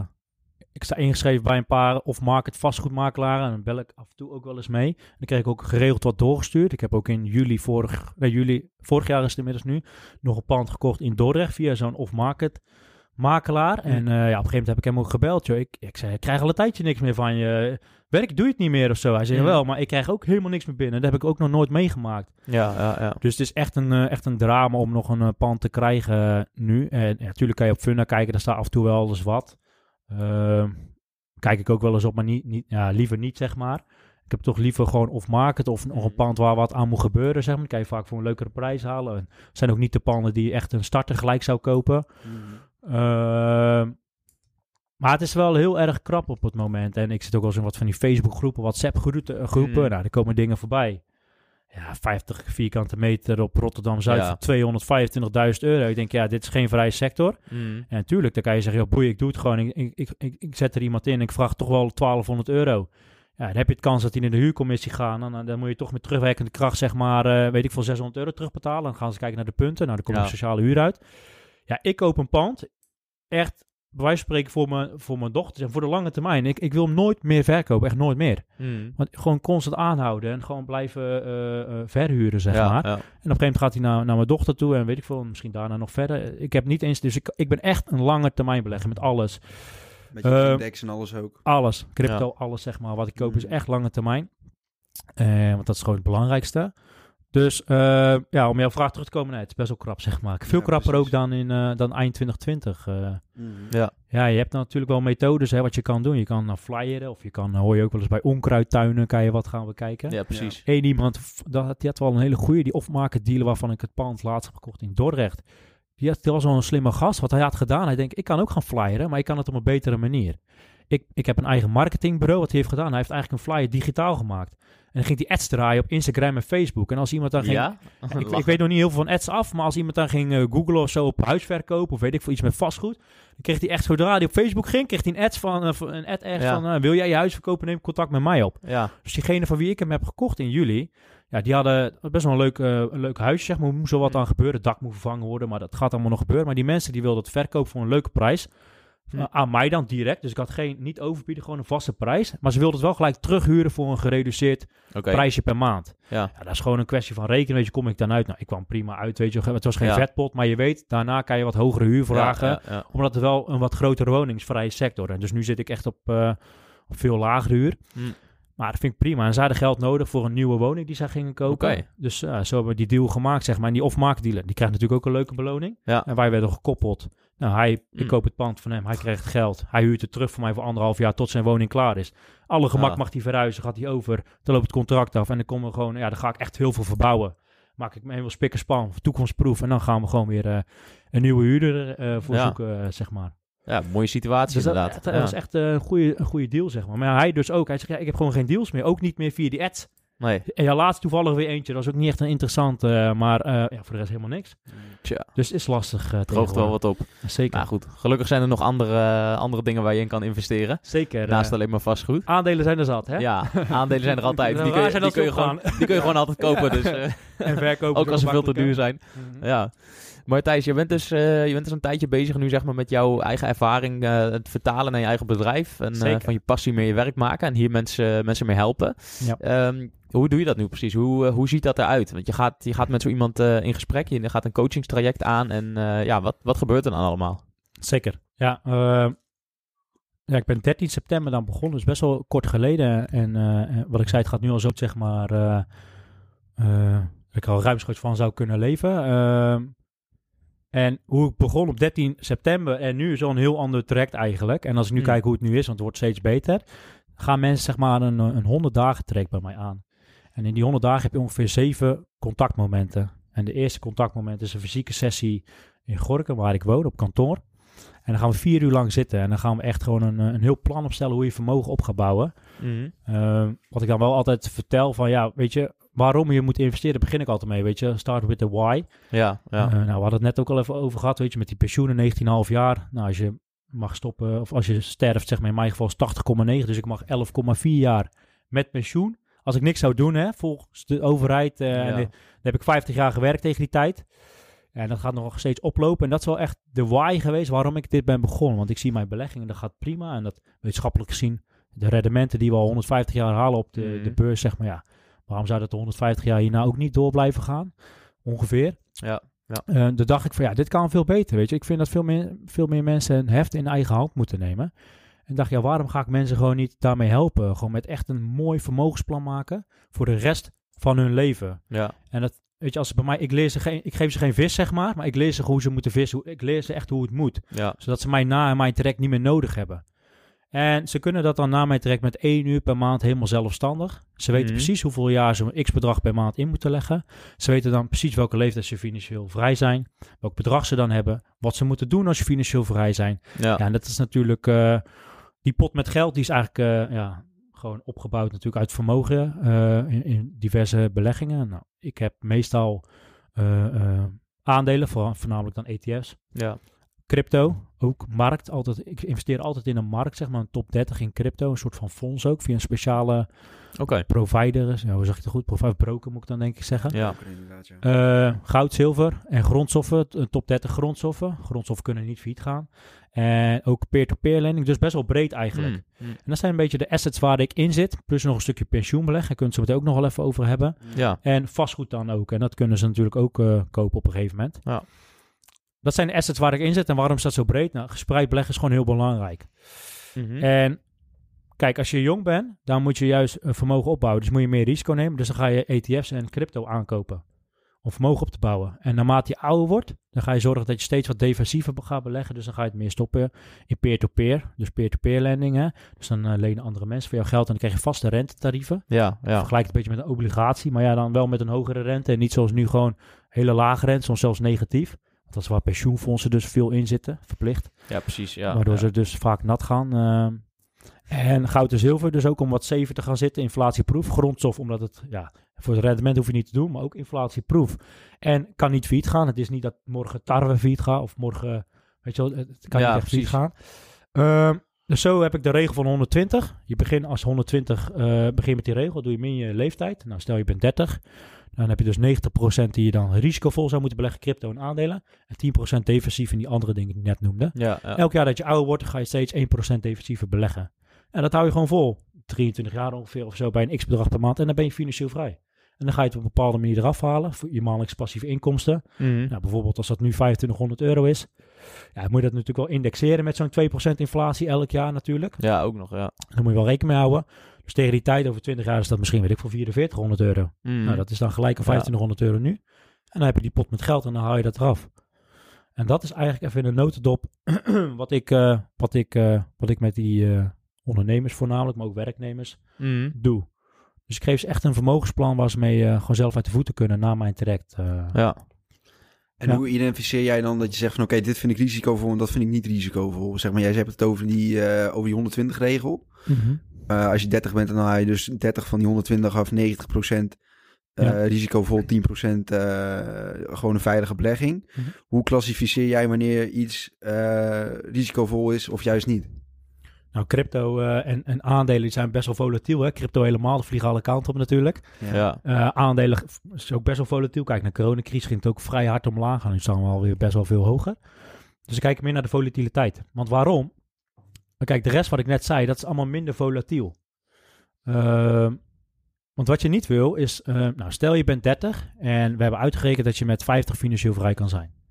En stel je zou alles gewoon constant in crypto en aandelen houden. En je bent op een gegeven moment 50 ja, en dan precies net voor... Je denkt, morgen ben je financieel vrij en precies vandaag stort die beurs in en de cryptobeurs in. Ja. En, en dan zou je vanaf die moment, weet je wel, je passieve inkomsten eruit halen. En heb je, ik noem wat, 7 ton op, die, op dat moment of 6 ton. En ineens, ja, je crypto, dat kan halveren. Dat weten we allemaal. Nou, aandelen, met coronacrisis kan het ook hard gaan. Ja, dan wil je niet zeg maar dat in één keer jouw 6 ton 3 ton wordt. Want ja, dan moet je toch weer even eh, voor de helft opnieuw beginnen. En als je Ja. dan al tegen die tijd heel veel safe hebt belegd, dan zal dat veel minder hard dalen. Want wat doet goud vaak, en zilver ook wel, die gaat juist met een crisis weer omhoog. Dus heft elkaar op. Mhm. En dan kan je van dat safe potje, kan je de komende jaren even vanaf tappen. En op een gegeven moment, ja, die gingen, weet je, de coronacrisis ook. Negen maanden later stonden we alweer op hetzelfde niveau. Ja. Ja, weet ja. Je, dat, trekt wel weer bij. Daar kom je er even niet aan. Nooit verkopen, hè, dat weten we allemaal. Liefst nog wat bijkopen. Maar als je in, in financieel vrij bent, pak dan juist van die niet-volatiele pot af. Mhm. Ja. En zo kan je dan even de periode uitzetten totdat die andere pot ook weer is bijgetrokken. Want wat je niet wil is dat je gaat verkopen als alles heel laag staat, zeg maar. Mhm. Dat is zeg maar de reden. ehm, dus ik kwal- kwalificeer defensief en risicovol, zeg maar, eh, naarmate van de volatiliteit en wat ze met een crisis doen. Ja. Juist. ja, precies. Ja, ja. En die, eh, en die peer-to-peer lending dan, hè, waar je het net Ja. ook over hebt. Hoe gaat dat dan precies in zijn werking? Ga je dan echt bij zo'n platform eh, je inschrijven voor een paar van die leningen en stop je daar wat geld in? Of is dat ook een soort fonds? Of hoe moet ik dat zien? Ja, ja. Maar eigenlijk alles bij wat ik doe is eh, gespreid beleggen. Dus je, ik ben een voorstander van VWRL, 3600 grootste bedrijven. Crypto top 30, 30 gelijk grootste munten. Word je up-to-date gehouden. VWRL wordt up-to-date gehouden. Altijd gewoon de beste Mhm. munt of bedrijven. Echt super, echt heel goed werkt dat. Eh, goud en zilver is natuurlijk wat lastiger. Grondstoffen top 30. En bij peer-to-peer, Mintos, eh, ken- heb ik dat platform daarvoor. Dus ik Mhm. al enige tijd bij. En zij doen ook, ik vind hun concept ook heel erg mooi. Wat je kan doen daar, zeg maar, is eh, je kan er geld naartoe storten en zij gaat het dan ook weer verdelen over beleggingen. Oké. Eh, nou, stel ik wil bijvoorbeeld 1000 euro lenen, dan kan ik naar jou toe veel, leen mij 1000 euro. Nou, dan leen je mij 1000 euro, kan ik het niet terugbetalen, ben je 1000 euro kwijt. Maar ik kan ook bijvoorbeeld 1000 euro lenen bij nou, ieder van jullie, weet je. Dan heb ik dus vier keer 250 euro. Ja, ja, ja. Snap je? En dan Ja. als ik het dan niet terug kan betalen, zijn jullie alle vier, 450, of sorry, 250 euro Mhm. kwijt. Ja. Nee, ik heb daar een x-bedrag staan en dat is dan verdeeld over 222 leningen of zo. Weet je. Het gaat echt om tientjes, Ja, soms precies. twintigjes, weet je, die zij lenen. Want of, maakt mij niet uit als ik die 1000 euro, maar als stel ik zou, zou willen lenen, maakt mij niet uit wat ik nou ja, 1000 euro maar allemaal tientjes krijg, als ik die 1000 euro maar krijg. Ja, juist. Dus Ja. dat bedrijf doet dat zeg maar helemaal verspreiden. En dat Hmm. dan kan op bepaalde manieren, high yield, dus hoog risico, Ja. conservatief of een mix Hmm. daarvan. Ik heb een mix. Ik ga altijd een beetje voor de mix, zeg maar. En ik zit volgens mij nu op een eh, vaste rendement van 9,38% of zo. Dat is wel echt Jezus, heel dat is wel netjes. echt- Hij veel, iets ja. omlaag gaan. Hoor. Nu met klanten die aan beginnen, zeg maar, doen we het ook. Zit hij zit hij nu ongeveer op 2 of zo, maar dat is nog steeds Dat is vaste echt rente. Hè? Dat is Ja. netjes. En dat platform, weet je, dat is wel leuk. Als je dat eh, appje dan installeert, dan krijg je elke dag, joh, je hebt weer zoveel rente ontvangen. Ja. Elke dag erbij. En ze doen het gelijk opnieuw investeren. Mm. Dus er wordt echt Het wordt, niet geherinvesteerd naar je, het automatisch. wordt niet naar je rekening overgemaakt. Jij krijgt gewoon die lening en dan wordt dat weer terug het, het, het Ja. fonds, noem ik het maar eventjes, weer ingestopt. ja, je kan het zelf instellen. Je Ja. kan dan zeggen, joh, ik wil eh, de eerste 500 euro aan rente wil ik uninvested houden. Dus dan sparen ze het op, kan je het uitkeren. Ja. Maar je kan ook zeggen, joh, ik wil 0 euro uninvested, dat heb ik dan. En gewoon, Hm. doe maar gewoon constant herbeleggen in, eh, in andere leningen. En dan eh, Ja. gaat het weer omhoog. En natuurlijk, soms zitten er leningen bij die kunnen niet terug worden betaald. Ja, dan kom je een keer een tientje kwijt, soms 20 euro. Ja, ja, Ja. dan. Meestal Ja. gaat het altijd goed. Dus ik vind de gedachte van het platform, voor mij bestaat ook al even wel echt eh, wel nice. Ja. Zeker. En eh, even kijken hoor, want ehm, heb je dan ook al meegemaakt dat, dat eh, even kijken, hoe, hoe wa- wat, voor, wat, voor, wat voor mensen komen er dan naar dat platform toe dat ze dat geld lenen? Want dan als jij 9, 9, zoveel procent rendement wil halen, dan moeten die Mm. jongens wel flinke leningen uitschrijven. Zeker. Ik weet niet precies wat voor eh erheen komen, maar ik weet wel dat ook dat is heel gespreid. Ja. Het zijn autoleningen, Ja. mortgage leningen, Oké. echt van alles. eh, en je kan er zelfs op landen kan je kijken waar dus wordt geleend. hè. Maar vaak zijn Hm. het geen eh, landen zoals Nederland. Hè? Want Nee. ja, Nee, kijk, nee, in nee. Nederland kan je om de hoek eh, gratis lenen. Ja. Dan ga je niet bij een Mintos zeg maar zoveel betalen. Dus dat zijn Ja. wel vaak andere landen dan een triple A-land. eh. ja, Eh, precies. Er Ja, zitten ook zeker risico's aan? Ja. zeker weten. waar ook de rentes sowieso al veel hoger zijn. Dus dan zijn dus de, de, de leenrentes ook veel hoger. Precies, ja, Ja. precies. Als de spaarrentes daar ook al, eh, weet ik veel, 9 of 10 procent zijn in die Precies. currencies, dan, precies. dan kan dat ook wel, ja. Ja, Ja, precies dat. ja is wel interessant. Dus je doet eigenlijk voor elke, voor elke beleggingsgroep, zorg je dat je gewoon gespreid belegt en eigenlijk eh, het liefst geautomatiseerd maandelijks, zodat je eigenlijk met een heel, heel korte tijdsbesteding gewoon elke maand ja, weer die stappen maakt. En ja, jouw jou, jou, jou klant eigenlijk, of eh, degene die bij jouw coaching afneemt, die, eh, die weet gewoon van, eh, dit hebben we inderdaad uitgestippeld. En maandelijks doe ik één, één handeling, bij wijze van spreken, of een uurtje. Ja. En dan heb ik alles geregeld. Zeker. Ja, Ja, en dat is vrij best wel, ja, best wel geautomatiseerd. Dus kan je echt zelf met een, echt maximaal een uurtje per maand. Op ja, een gegeven moment Ja. zelfs, ik, doe- ik doe het zelf binnen een kwartiertje. ja. Ja, op een gegeven moment gaat dat, als je het zo lang al doet, gaat het super snel. Mhm. En dan is het ook wel heel leuk. En dat vind ik het volgende wel een pluspunt. Doordat je heel gespreid belegt. Wat je hebt is bijvoorbeeld, laatst had je een daling op de cryptomarkt. Maar op dat moment ging de aandelen op zich nou, best wel omhoog. Mhm. Die Mintos heb je vaste rente, weet je. wel. En ik weet even goud niet op dat moment. Ik kijk, ik kijk, ik hou zeg maar elke maand mijn vermogen bij. Dat gaat in dat vermogensplan wat ik ook voor die klanten maak. Hè. Ik Mhm. kan je het ook bijhouden. Elke maand schrijf ik dan op wat de waarden zijn. Dus ik open alle accounts. Wat zijn de waardes? Dan Mhm. vul ik bovenin, joh, wat ga ik deze maand inleggen? Nou, dat is dat een bedrag wat ik natuurlijk heb uitgerekend. Nou, dat leg ik in en dan zegt hij precies van, joh, je moet zoveel die kopen, zoveel die kopen, zoveel die kopen. Hij kijkt gewoon naar de markt, zeg maar. Dat zit allemaal erin gebouwd. Oké, Naar die ja. verhouding kijk Ja, je, zeker. zeg maar. Naar de Ja. verhouding van, Precies, van je totale belegging en dan aan de hand daarvan koop jij bij. precies. Dus als Ja. stel, ik eh, open de volgende maand, eh, ik probeer altijd alles recht te houden. Dus dat hij zegt eigenlijk, eh, alles is nu helemaal in orde. Eh, en als ik dan een volgende maand open en ineens is crypto gedaald met, eh, weet ik veel, 20%. En ik Mhm. vul dan weer mijn maandelijks inleg in, nou, ik noem maar wat, eh 500 euro. Dan zegt hij, joh, koop maar wat meer crypto bij, want daar staat nu laag. Ja, Snap je? Ja. En dan, oh, aandelen staat een stukje hoger, nou, doe daar maar even wat minder. Nou, en zo kan je het helemaal up-to-date houden. En dan weet je zeker dat je nooit een domme fout maakt door hoog in te kopen en laag te verkopen. Mhm. Ja, je bent eigenlijk een beetje losgekoppeld van je emoties op dat moment. Zeker, Ja, dat helemaal, is een ja. van de belangrijkste dingen. Ja, precies. moet Ja. doen, eh. dus dat is helemaal Mhm. geautomatiseerd. Het is, eh, je klikt op een knop, hij maakt een nieuwe maand. Dan alles wordt, al die formules worden herschreven, zeg maar. En dan vul je het even in. Mhm. Ja, je, vul, zeg maar, je, je voert je investering uit. Nou, je bent klaar. En je sluit hem weer een maand later, kijk weer. En het leuke is, dat je zeg maar zo... Dat wou ik eigenlijk net nog zeggen. Doordat je zo gespreid belegd zit en crypto gaat omlaag en de rest gaat omhoog. Ja, dat boeit me echt geen reet. Het interesseert me echt geen reet wat de markten doen. Nee. Ik kijk onderaan de streep, ben ik vermogen, eh, vermogender geworden dan vorige maand? Ja, vind ik het prima, weet je wel. Ja, precies. En dat elke maand, als je allemaal groene cijfers ziet, weet je, dan ja, dat zie je eigenlijk bijna altijd wel. Zeker op lange Ja. termijn, eh, dan, eh, dan zie je die groeien. En dan stel je zo volledig in crypto zitten en die daalt 20%. Ja, dan zie je ineens, als je een ton Mhm. erin hebt, 20.000 euro minder vermogen dan het maand ervoor. Ja, En nu compenseert dat als je het echt, zeg Ja. maar, breed eh beleg. Dus die percentage waar we het net over hadden, die 90% risicovol, Mhm. 10% bij een 30-jarige, minder risicovol, die vul je dan in. Dit zijn mijn percentages en die doe je één keer per jaar aanpassen als je dus een jaartje ouder wordt. Dus in mijn geval heb ik, nou ik ga even vanuit dat ik 30 ben, heb ik eh 45% eh, ETF's, 45% crypto. Ja, En dan eh, die andere weet ik niet eens uit mijn hoofd, nou dat is 10% verdeeld dan. ja, ja. En als ik dan 1000 euro inleg en ik stel alles zou recht zijn, als ze recht zijn, zegt hij gewoon, ja, ja, koop maar 450 euro ETF, koop maar 450 euro crypto en dan nog eens voor 100 euro die andere dingen. ja. maand later is die markt net wat anders geworden, wat ik zei. Crypto is bijvoorbeeld omhoog gaan. Dan zegt Mhm. hij, ja, koop maar even 400 euro eh, crypto en 500 euro aandelen, want die is wat omlaag ja, gegaan. Ja, En zo ja, koop je altijd zeg maar best wel slim in. Ja, Maar als je dit nu misschien zo voor de eerste keer zou horen, hè, dan zou je misschien wel kunnen denken van, joh, weet je, het klinkt allemaal best wel moeilijk. Maar zou je dit ook iets simpeler nog uit kunnen leggen misschien? Weet je, dat je die, dat je die, dat je die computers en dat soort, dat soort formules en zo allemaal niet nodig hebt. Het is ook, eh, het klinkt moeilijk. Ja, maar dat is het helemaal niet. Nee. nee, het is, maar dat is ook, het, is een 100 dagen coachingstraject. En Ja. wat ik net zei, we starten met een fysieke sessie echt samen. En het is ook een praktisch traject. Dus Mm. de mensen krijgen zeven dagen van tevoren een persoonlijke webpagina met de tijdlijn, de handleiding om de accounts aan te maken, alles zeg maar. Dus als zij naar mij toe komen, hebben ze alle accounts al aangemaakt.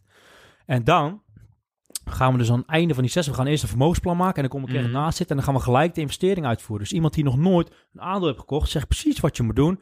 Ik voeg het toe aan favorieten, weet je, ik maak de beveiliging even goed met die 2FA, alles stellen we Ja, helemaal perfect ja. in. En dan doen we samen de investering. Dus iemand gaat ook nooit de fout maken eh, Mm. ja, dat hij zeg maar eh, iets verkeerds aankoopt of iets verkeerd doet. Dus we doen het echt gelijk uitvoeren. De eerste keer al. Hè? Dus hij gaat de deur niet uit voordat het geld aan het werk is. En dat is wel heel leuk. Ja. En dat doen we dan elke maand herhalen. Nou, het duurt 100 dagen, dus nog drie keer.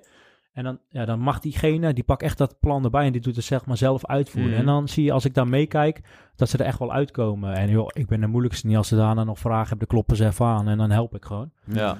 Uh, dus ja, als ik het zo misschien vertel voor iemand die het nog nooit heeft gezien, klinkt het heel moeilijk. Maar het valt echt wel mee, uh, Mhm. uh, zeker. Het is gewoon even kwestie van oefenen. En daarna kan je het gewoon uh, heel makkelijk zelf. Maar even in een notendop. Je geeft gewoon aan per asset hoeveel procent je wil investeren. Ja. Je hebt een, stel je hebt 0 euro overal in en je zegt, joh, even heel makkelijk, 5% aandelen, 5% crypto. Je investeer 1000 euro. Dan zegt dat plan gewoon, joh, koop 500 aandelen, Mhm. 500 crypto. Nou, Ja. Een maand later zeg je ook, ik wil weer 1000 euro investeren. Nou, dan is blijkbaar uh, crypto omlaag, ETF's omhoog. Nou, iets meer crypto, andere iets minder. Ja. Ja. Ja, kan best wel een, uh, een waterdicht systeem inderdaad om de emoties uit te schakelen en gewoon uh, die marktgemiddelde te blijven kopen. Zeker, ja. zeker. Nou, dat, dat is denk ik vaak het hele probleem. Ik bedoel, als je begint met beleggen, bedoel, waar moet je beginnen? Weet je wel? Dat is zoveel en het is zo, zo groot. En inderdaad, van wat moet je kiezen op, uh, ja, waar, waar, baseer je je keuzes op? Kies je een bepaald specifiek aandeel? Ga je hè, bij, je bij je bank beleggen? Ga je bij een broker beleggen? Het is, het is denk ik te veel voor heel veel mensen om dan te overzien van, oh, ik start gewoon ergens en ik kijk wel, weet je wel. En dat, Precies. dat is denk ik het grootste, ja, de grootste, grootste drempel waar je overheen moet. Zeker. Ja, alles. puur het begin. Ja, zeker. Want alles wat ik vertel, ja, dat kan je natuurlijk in boeken lezen en uh, Mm. op internet vinden. Maar ik, Het ik, is doe niet al, moeilijk. ik doe al tien jaar over, weet je wel. En, uh, Ja. en dan denk ik, ja, en ik heb ik ook gezien met een vastgoedje. ik- Ga dan naar een coach die het al heeft gedaan, die het jou leert. En Mm. uh, ja, dan gaat het allemaal veel sneller. Want dan, stel je zou dat niet doen, je zou het zelf uitdokteren. Ja, dan maak je allemaal fouten en dan ben je twee jaar verder of drie jaar. Dan heb je het een keer uitgevogeld, maar heb je Ja. al drie jaar geen vermogen opgebouwd. Ja. Snap je? Dus dat is, Is zo, wel, uh, ja, dat, dat is ook zo. zo. uh, en als je dan iemand hebt, nou, net zoals ik dan, die het al heel lang doe. Mm. Ik zeg gewoon, je moet dit doen, je moet dit doen, je moet dit doen, weet je. We zitten, en ik zeg ook altijd waarom ik het doe. Ik laat ook precies zien wat, wat ik heb gedaan, zeg maar, en hoeveel vermogen. Mhm. Ik heb echt super transparant, want het is wel echt wat ik vertel, doe ik zelf ook. Ik zal nooit iets vertellen, joh, je moet dit doen.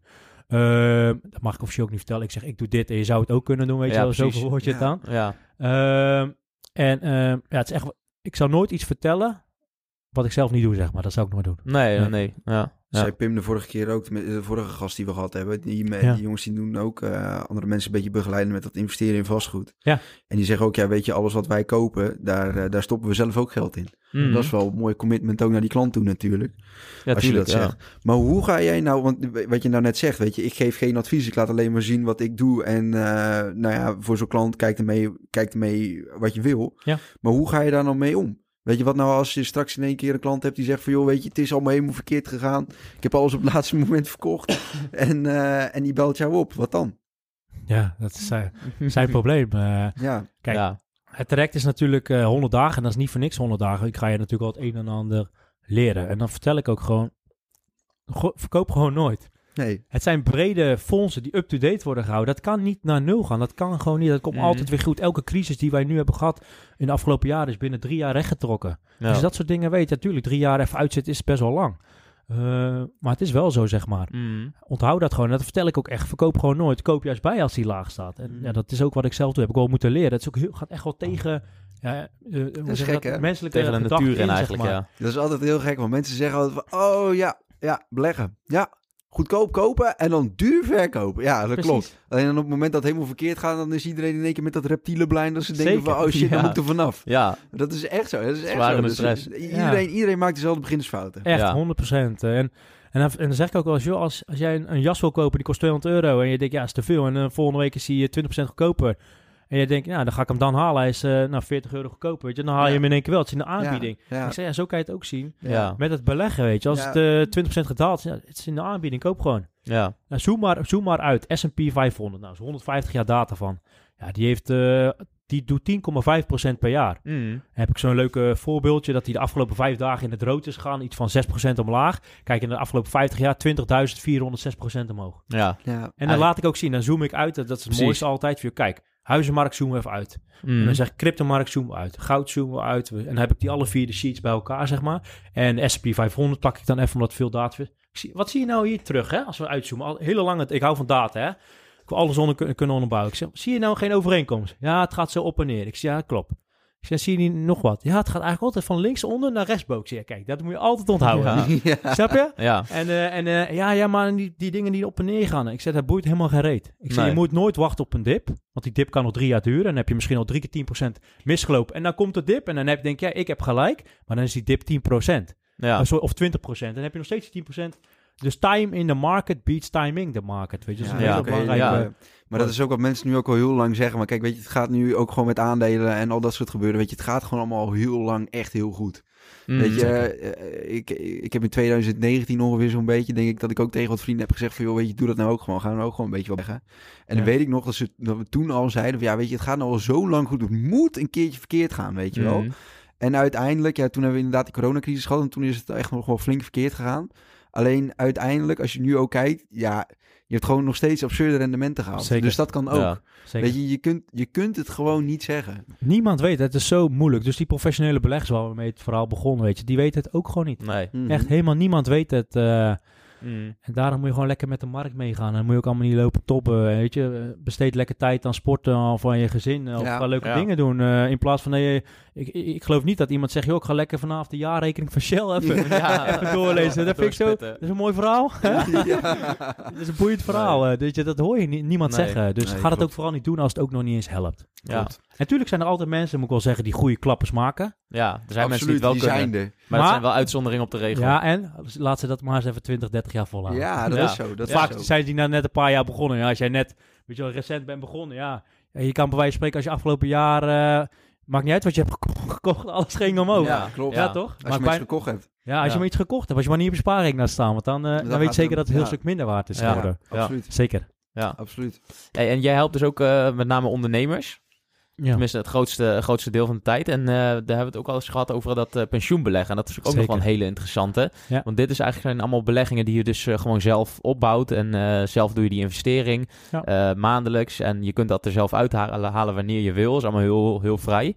Maar hoe werkt het dan bij pensioenbeleggen? Ja, ja. ja, pensioenbeleggen ben ik een heel groot voorstander van. Ik vind het echt een supergoed concept. Er zitten ook nadelen aan. Wat ik doe met klanten is het volgende. Kijk, als wij zo'n vermogensplan gaan maken, eh, het is altijd heel persoonlijk. Som, eh, even- sommigen zeggen ook, joh, ik wil geen crypto. Nou, dat, dat hoeft ook Mm. niet. Hè. Ik, ik- dat, die keuze heb je. Maar sommigen zeggen, joh, ik wil geen pensioen beleggen. Dat kan. Die willen het liefst, eh, ik heb klanten die zeggen, joh, ik wil over 20 jaar financieel vrij zijn. Die zijn nu 20, hè. Ik ben ja. mijn 40ste. En dan wil ik gewoon lekker kunnen genieten. En de pensioenbeleggen interesseert me niet. Eh, Mm. dus die, die, die hebben er geen oren naar. Maar wat je, hoe je zeg maar het meest efficiënt, dus met zo min mogelijk investering op jaarbasis of maandelijkse basis, financieel vrij kan worden, is met pensioenbeleggen. Wat ik doe is het volgende. Ehm, je hebt een periode dat je gaat starten met werken. Nou, voor iemand die niet investeert, is dat ongeveer gemiddeld op zijn twintigste. En nou, nogmaals, dan werk je tot je 69ste, bijna Mm. 50 jaar. En dan mag je nog 11 jaar tot je verwachte leeftijd met pensioen. Ja. Dat vind ik absurd. En daardoor ben ik echt begonnen. Ja. Wat je kan doen is het volgende. Stel, eh, je bent, eh, pak even 25 of 30, maakt even niet uit. Nou, pak even vij- 25, zeg maar. Nou, stel je, je besluit om op 25e met mij in zee te gaan. En je gaat dan eh, investeren en je denkt, ik wil zo snel mogelijk financieel vrij worden. Nou, gaan we gewoon rekenen. Wat kan je maandelijks missen? Wat heb je dan voor bedrag nodig? En dan ga je eigenlijk twee potjes opbouwen. En dat is een vermogenpot en een pensioenbeleggingspot. Als je het op de meest fiscaal en gunstige manier wil doen. Mhm. Wat je doet, je bent 25 en je zegt, joh, ik wil over mijn, op, op mijn 20ste willen kunnen stoppen. Eh, sorry, nee, je bent over 20 jaar wil ik kunnen stoppen. Dus Ja. dan ben je 45. Mhm. Nou, stel de pensioenleeftijd is, maak er even tegen, tegen de tijd van 70. Maak er even 70 van. Dus dan moet je nog eh, even rekenen. 25 jaar zeg maar overbruggen. Mhm. Als je dan 70 bent, dan krijg je de tweede pot, de pensioenbeleggingspot. Dus wat we gaan doen, is het volgende. We gaan eerst uitrekenen van oké, we weten, je bent 25 en je wil financieel vrij zijn op je 45 Dus we hebben een periode van 20 jaar Ja. om de vermogenspot op te bouwen, waarmee wij 25 jaar kunnen overbruggen vanaf 45 tot met 70. Dat moet je doen door middel van die assets van net. Weet je, crypto beleggen, of, sorry, eh, een eh, crypto, ETF's, goud, zilver, bla bla bla. Mhm. Of, of een paar daarvan. En tijdens die periode van 20 jaar ga je dus die ene pot opbouwen, maar ook de tweede pot, de pensioenbeleggingspot. En dat is heel makkelijk. Dat is de volgende som. Mijn verwachte leeftijd is 81, als je zeg maar nu 29 bent. Ik mag met pensioen, nou, dat hebben we net gezegd, met 70. Dus dat is eh 11 jaar. Dus eigenlijk Mhm. moet ik ook nog eens 11 jaar daar passieve inkomsten hebben. Dus mijn pot van pensioenbeleggen moet ook nog eens 11 jaar mij eh, eh, passieve inkomsten tegen die tijd kunnen Ja. geven. Dus dat is de tweede pot. Nou, daar hou ik vaak vier jaar speling aan, dus maak ik er even 85 van. Mhm. Dus we moeten twee potten krijgen. Eentje 45 tot 70 en eentje van 70 tot met 85. Nou, als daar twee bedragen staan die mij kunnen voorzien, constant van mijn 45ste vo- van 3000 euro per maand netto of 2500 euro, tot met mijn 70ste, dan komt de volgende pot vrij. Nou, die voorziet mij weer van Mhm. 3000 euro tot met mijn 85ste. En dat is natuurlijk wel tegen die tijd iets meer dan, want dan ga je Ja. indexeren met de inflatie. Dat nemen we allemaal mee. Maar nu 3000, daar rekenen we er zeg maar mee. Dus tegen die tijd dat misschien 4500 euro Mhm. per maand. En denk je dat is nu heel veel, maar dat valt wel mee, want jouw loon wordt ook elk jaar zeg maar met 2% verhoogd. Of als je ondernemer bent, dan vraag je ook elk jaar wat meer. En als je nu kijkt wat je nu verdient, eh, doe maar even keer 25 maal 2%, dan gaat dat gewoon, als je nu 3000 verdient, dan zit je zo op 5000 zeg maar. Weet je. Ja, dan heb je nog niet ja. eens een soort van verhoging gehad, het is alleen de inflatie al. Dus ehm, dat is hoe je zo efficiënt mogelijk kan beleggen. En Mhm. dat pensioenbeleggingspotje, waarom is dat dan zo gunstig? Nou, de Belastingdienst, meestal betaal je de Belastingdienst voor alles. De grootste kostenpost van een mens is de belasting. Weet je, de helft van het jaar kom je uit bed voor de Belastingdienst. Ja, ja. En dan denk ik, ja, laat ze ook maar een keer meebetalen. Ja. Ehm, en dat kan met pensioen beleggen. Wat je kan doen is het volgende. Tijdens die periode van 20 jaar kan je pensioen beleggen. kan je jaarruimte berekenen. Ja, het wordt wel een beetje technisch. Mhm. In ieder geval via een bepaalde site heb je calculator, kan je berekenen. Nou, als ondernemer zijde, wat is mijn omzet? Nou, als ondernemer bouw je geen pensioen op. Dus stel je verdient best wel lekker, dan kan er uitrollen van, eh, joh, je, moet, eh, je hebt een jaarruimte van 6000 euro. Mhm. Dan kan je dus 6000 euro storten naar de pensioenbeleggingspot.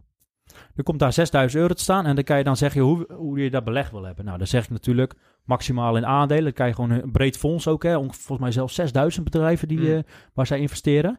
En, en dat fonds, zeg maar, dat gaat het investeren in die, in die, in die, in, ja, in die aandelen en dat loopt op. Mhm. Gemiddeld rendement afgelopen 15 jaar was 9,1 procent. Oké, ja. Maar dat loopt op. En het leuke is, dat blijft oplopen. En jij blijft jaarlijks jouw jaarruimte storten. Maar die 6000 euro, daar krijg je weer een deel van terug van de Belastingdienst. Mhm. Verdien jij 68.000 euro in Nederland, zeg maar, inkomen voor de belasting eh, eh, of meer, dan krijg jij 49% terug. Dus stort ik 6000, dan krijg ik bijna 3000 euro terug. Oké.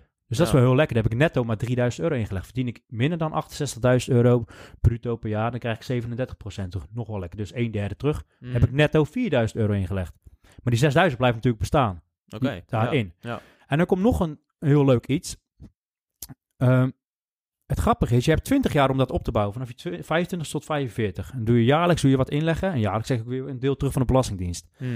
En dan hoop dat op. En dan rekenen we zo efficiënt mogelijk uit dat je op je 45ste, want dan heb je geen inkomens meer, want je hebt alleen maar je passieve inkomsten. Dan heb je ook geen jaarruimte meer. Mhm. Maar dat geld, dat komt pas vrij 25 jaar later. Maar doe jij maar eens 25 jaar maal 9,1 procent. Stel je hebt eh, echt, Mhm. misschien heb je 80.000 euro staan. Nou, dan heb je tonnen staan op je 70ste. Ja. Dus je hoeft helemaal niet zoveel in te leggen eigenlijk. En het leuke is, we hebben het al over tonnen en dan ga je ook naartoe. En mensen denken, ja, tonnen, is, dat is toch heel onmogelijk? Dat valt echt wel mee. Mhm.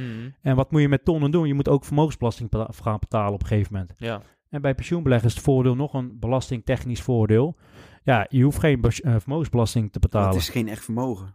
Nee, het is geen. Ja, het, het- Ja, het is, de, het is wel van jou, alleen het zit in dat fonds. ja, klopt. Ja, Je, je mag kan het dat, er niet uithalen. Nee, klopt. Dus dat is een, inderdaad een nadeel. We hebben het net over de voordelen Ja. gehad. Een nadeel is, je kan het, ja, je kan het wel uithalen. Boete. Alleen dan moet je die belasting terughalen, waar ik net over heb gehad, die moet je dan terug gaan betalen. Dus ja, als je Mm. het al tien jaar doet, je hebt al tien keer 3000, dan zeg je ja, prima, stort maar even 30.000 euro. Ja, ja. Weet je, ja, als je het kan dragen, kan het. Dan kan je het wel eruit halen. Ja. Dus dan moet je het met terugwerkende kracht weer terugbetalen. Dus dat is een nadeel. Dus Mm. ik zeg ook altijd, zorg eerst voor een cashbuffer van, weet ik, voor drie maanden. Mhm. Dan voor je vermogensopbouw, weet je, die eerste pot. En dan pensioen allerlaatste de de tweede pensioen. pot. Zeker. Ja. Maar start er wel zo vroeg mogelijk mee. Want als je, ja, wat ik zeg, als je op een gegeven moment gewoon een x tienduizenden euro's hebt staan, Ja. ja, dat blijft Die gewoon blijft renderen, zeg maar, tijdens Ja. jouw financiële vrije periode. Zo kan je echt efficiënt, super goed financieel vrij worden. Het is echt Ja. de En belastingtechnisch ook gewoon super Zeker, interessant. Beter kan Ja. het niet. Ja. Effectiever kan het echt niet. eh, Maar hoe, hoe, wacht even, hè, want dit gaat, is misschien even ontschoten, maar hoe begin je hier nou dan mee? eh, met een pensioenbeleggen bedoel je? Ja? Ja, dat is niet eh, eh, heel spannend. Eh, ehm, je kan gewoon... ik zit zelf bij Brand New Day. Dan maak ik het even iets Mhm. concreet. Brand New Day, pensioenbeleggersfonds. Ja. In mijn ogen de beste die er is. Echt tevreden over. Eh, wat je doet, ze hebben gewoon een calculator, een ruimtecalculator. En dan vul je gewoon heel makkelijk in van oké, ze stellen een paar vragen. Nou, bij een ondernemer is het niet meer, joh, wat was de winst voor de Belastingdienst, weet je, voor aftrek. Ja. Nou, dan vul je in 50.000 euro. En dan zegt, kom er gewoon gelijk uitrollen van, joh, je mag 6.300 euro storten. Nou, Ja. dan stort je naar Brand New Day toe. En jouw belastingaangifte in april, weet je, die je moet doen, komt dat gewoon terug. Van, oh, je hebt een lijfruimte. Ja. Dan, dan kan je op een gegeven moment aanklikken bij eh, hoofdstuk 13 of zo. Uitgaven. En dan zeggen ze gewoon, ja, wat heb je een lijfrente gedaan, zeg maar. Zo heet dat dan. hè? Ja, precies. Ja. Klik je dat aan en zie ze, oh, je hebt 36 of 6300 euro gestort. Nou, dan wordt dat afgetrokken van jouw inkomstenbelasting. En krijg je nu, of je minder inkomsten te betalen. Of sorry, minder belasting te betalen. ja, precies. Zo doe je dat Krijg je dat praktisch deel meteen gezien, zeg terug. maar. Ja. Ja. Ja, dat is meteen heel praktisch. simpel, hè? Ja, maar je moet het maar net weten. Je moet het ook. maar Maar- net weten. Ja, en nu Ja. komt het volgende. En dit is, vind ik, heel schandalig, zeg maar, van, de, van, eh, ja, van onze eigen overheid, eh, kan ik wel stellen. Wat er zo is, ik heb klanten, die zijn al 35 of ouder. Ik heb Mm. er, eh, de oudste is 54 nu, volgens mij. Die weten dit niet. Heel veel mensen weten dit niet. Mhm. Terwijl als je mij zo hoort, dan denk je, ja, waarom doet niet iedereen dit, toch? Ja. En dat is ook echt, het is volgens mij echt een no-brainer. Mhm. Maar wat is er nou? Stel, jij bent 35 en je bent begonnen op, op je 20ste, gemiddelde leeftijd. Dan heb je 15 jaar al gewerkt. Nou, stel je bent werknemer. Maak even makkelijk, je bent een werknemer. Je hebt 20 jaar lang eh, via je werkgever pensioen opgebouwd. Mhm. Ehm, wat zo is, je kan zeg maar ook als werknemer natuurlijk ook, eh, want we hebben het net alleen over een ondernemer gehad, maar als werknemer kan je ook met diezelfde berekening, via die brand new day, Ja. die jaarruimteberekening, kan je ook gewoon dezelfde rekensom maken. Want dan krijg je net iets Hm. andere vragen. En dan staat, joh, wat heb je bruto verdiend bij je werkgever? Nou, vul je weer 50.000 euro in. Alleen daar heb je natuurlijk wel iets opgebouwd bij je werkgever. En dan krijg je een uniform pensioenoverzicht van elk jaar. ja, precies. En er Ja. staat ook wel een UPO genoemd. En er staat op de laatste pagina een factor A, een bedrag. Hm. Nou, even als mij als voorbeeld was dat, weet ik, voor 600 euro of zo. Nou, dan vul ik in factor A 600 euro bij, dat, bij diezelfde calculator. En dan komt er weer een bedrag uitrollen. Ja, vaak is dat wel een stuk lager als bij een ondernemer. Dan heb je het niet over 6000 euro. Soms gaat het nog veel hoger, tot max 13.000 is het. Maar dan heb je het, bij mij was het joh, iets van 800 euro. Nou, dan stort ik 800 euro, prima. Als Ja. ik straks ondernemer word, gaat dat natuurlijk ook veel hoger worden Ja, ja, ja. omdat je geen pensioen meer opbouwt bij je werkgever. Het is echt een bepaalde eh, gat, zeg maar, die je aan kan vullen. Hm. Maar bij een ondernemer die geen pensioen opbouwt, is dat gewoon ja, een gat. Ja. Geen pensioen. Dus dan, en dat is alleen maar beter eigenlijk. Want ja, die werkgeverpensioenen, daar word je ook niet vrolijk Oh, van. hou op man, dat is helemaal niks. Nee. En, ehm, maar wat ik nou wil zeggen, dus als je op 20 bent begonnen met werken en je hebt al 15 jaar bij je werkgever pensioen opgebouwd. Mhm. En je denkt, joh, ik hoor van pensioenbeleggen, weet je. Ik heb er gehoord van, weet ik, veel van Thijs of zo, uit deze podcast. Ik noem Ja. wat. En dan ga ik eens even in verdiepen. En dan kom je erachter van, oh, ik kan het met terugwerkende kracht doen. En dan kan je, zeg maar, je reserveringsruimte aanspreken. Oké. En de, de jaarruimtes van de afgelopen zeven jaar bij elkaar, dat noem je je reserveringsruimte. Hm. En wat je dan moet doen, dat is wel wat iets moeilijkere calculatie. Dan moet je per jaar gaan kijken, wat was mijn factor A of mijn omzet, weet je, of mijn inkomen. Ja, Allemaal ja, berekenen, ja. berekenen, berekenen. En er komt dan een reserveringsruimte uit. Mhm. En dat is een x-bedrag. Nou, dat kan maximaal 7500 euro zijn per jaar, zeg maar. En die kan je dan ook eh, storten nog extra. Maar wat is het nou? Dat is zeg maar over de afgelopen zeven jaar. Maar die acht jaar daarvoor kan je niet meer terugvragen. Mhm. Ja, dan moet je je voorstellen als je 40 bent, 45, ja, precies. 54. Dan is het... eh, Die hebben al zoveel geld laten liggen via pensioenbeleg en belastingteruggave. ja, ja, ja. Ja, ik zeg wel eens met eh, dat trek bij mij, weet je, ik, ik heb vaak verdien ik ze gewoon eh, al terug in het trek zelf. En dan hebben we nog niet eens gehad over de tonnen die je opgebouwd op de lange termijn, zeg maar. Ja, precies. Ja. Ja. daar is, ik streef altijd in het trek naar al terugverdiend binnen die eerste drie maanden. Dat vind ik gewoon leuk voor mezelf. En dat Ja. kan op meerdere manieren, waaronder pensioenbeleggen er één is. Ja, En vaak haal je dat wel eh, met pensioenbeleggen. ja. En ja, het wordt niet verteld. Dus a- Nee. als je kijkt, als je jong bent, wij zijn allemaal jong, wij laten nog geen geld liggen als je er nu mee begint. Mhm. Maar iedereen boven de 30 jaar, die heeft al wel wat geld, of je moet iets laten beginnen met werk, al wat geld laten Ja, liggen. ja. En dan denk je, waarom geeft zo'n, ehm, waarom geeft een overheid dat niet aan? Nee, precies. Ja, Als er geld, dat de mogelijkheid er wel is, maar... ja, als er geld te halen valt, weet je, dan staan ze Ja, zo dan staan voor ze de deur. vooraan. Ja, Staan ze voor de Dan deur. weten ze je altijd te vinden. Zeker. ja. Maar dat is net zoals jij bijvoorbeeld, dat vind ik ook heel schandalig, als je heel weinig verdient en je hebt recht op zorgtoeslag en huurtoeslag. En zij, jij doet elke jaar je aangifte en eh, je weet ervoor, jij geeft aan, ik verdien 10.000 euro. Ja. Je, hebt, je vraagt, je hebt geen toeslagen. ja. Dan krijg je heus niet een eh, berichtje van, oh, je kan toeslagen aanvragen Ja, hoor. precies. Je kan huurtoeslag aanvragen en zorgtoeslag. Tenminste, zover ik weet is dat er niet. Nee. eh. dus ik denk, ja, is echt schandalig. Echt schandalig. Weet je, ze houden je echt soms echt wel dom. En dat hoor je van heel veel mensen. Mm. En op zich heb ik niks tegen de overheid, zo is het niet. Maar Mm. financieel vlak denk ik van, het kan echt veel beter. En dat is hetzelfde met pensioenfondsen, om daar maar even weer over, eh, op in te haken.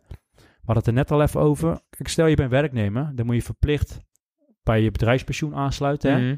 Dat bedrijfspensioen, dat zit dan weer bij een, een, een pensioenfonds. Ja. Het pensioenfonds, dat heeft de verplichtingen vanuit de overheid. Ik zit zelf, eh, ik, ik heb natuurlijk nu nog een werkgever. Ik zit bij de ABP. Mhm. Eh, dat is algemeen, ik weet het niet eens. Ik weet wel, ze noemen het de algemene bodemloze put. dat weet ik wel. Dat klopt wel aardig. Nee, dat, dat weet ik dan wel. En, eh, en, eh, en, en dat klopt zeker. en eh, Hoeveel haal je over aan het eind van het verhaal? helemaal niks. Nee.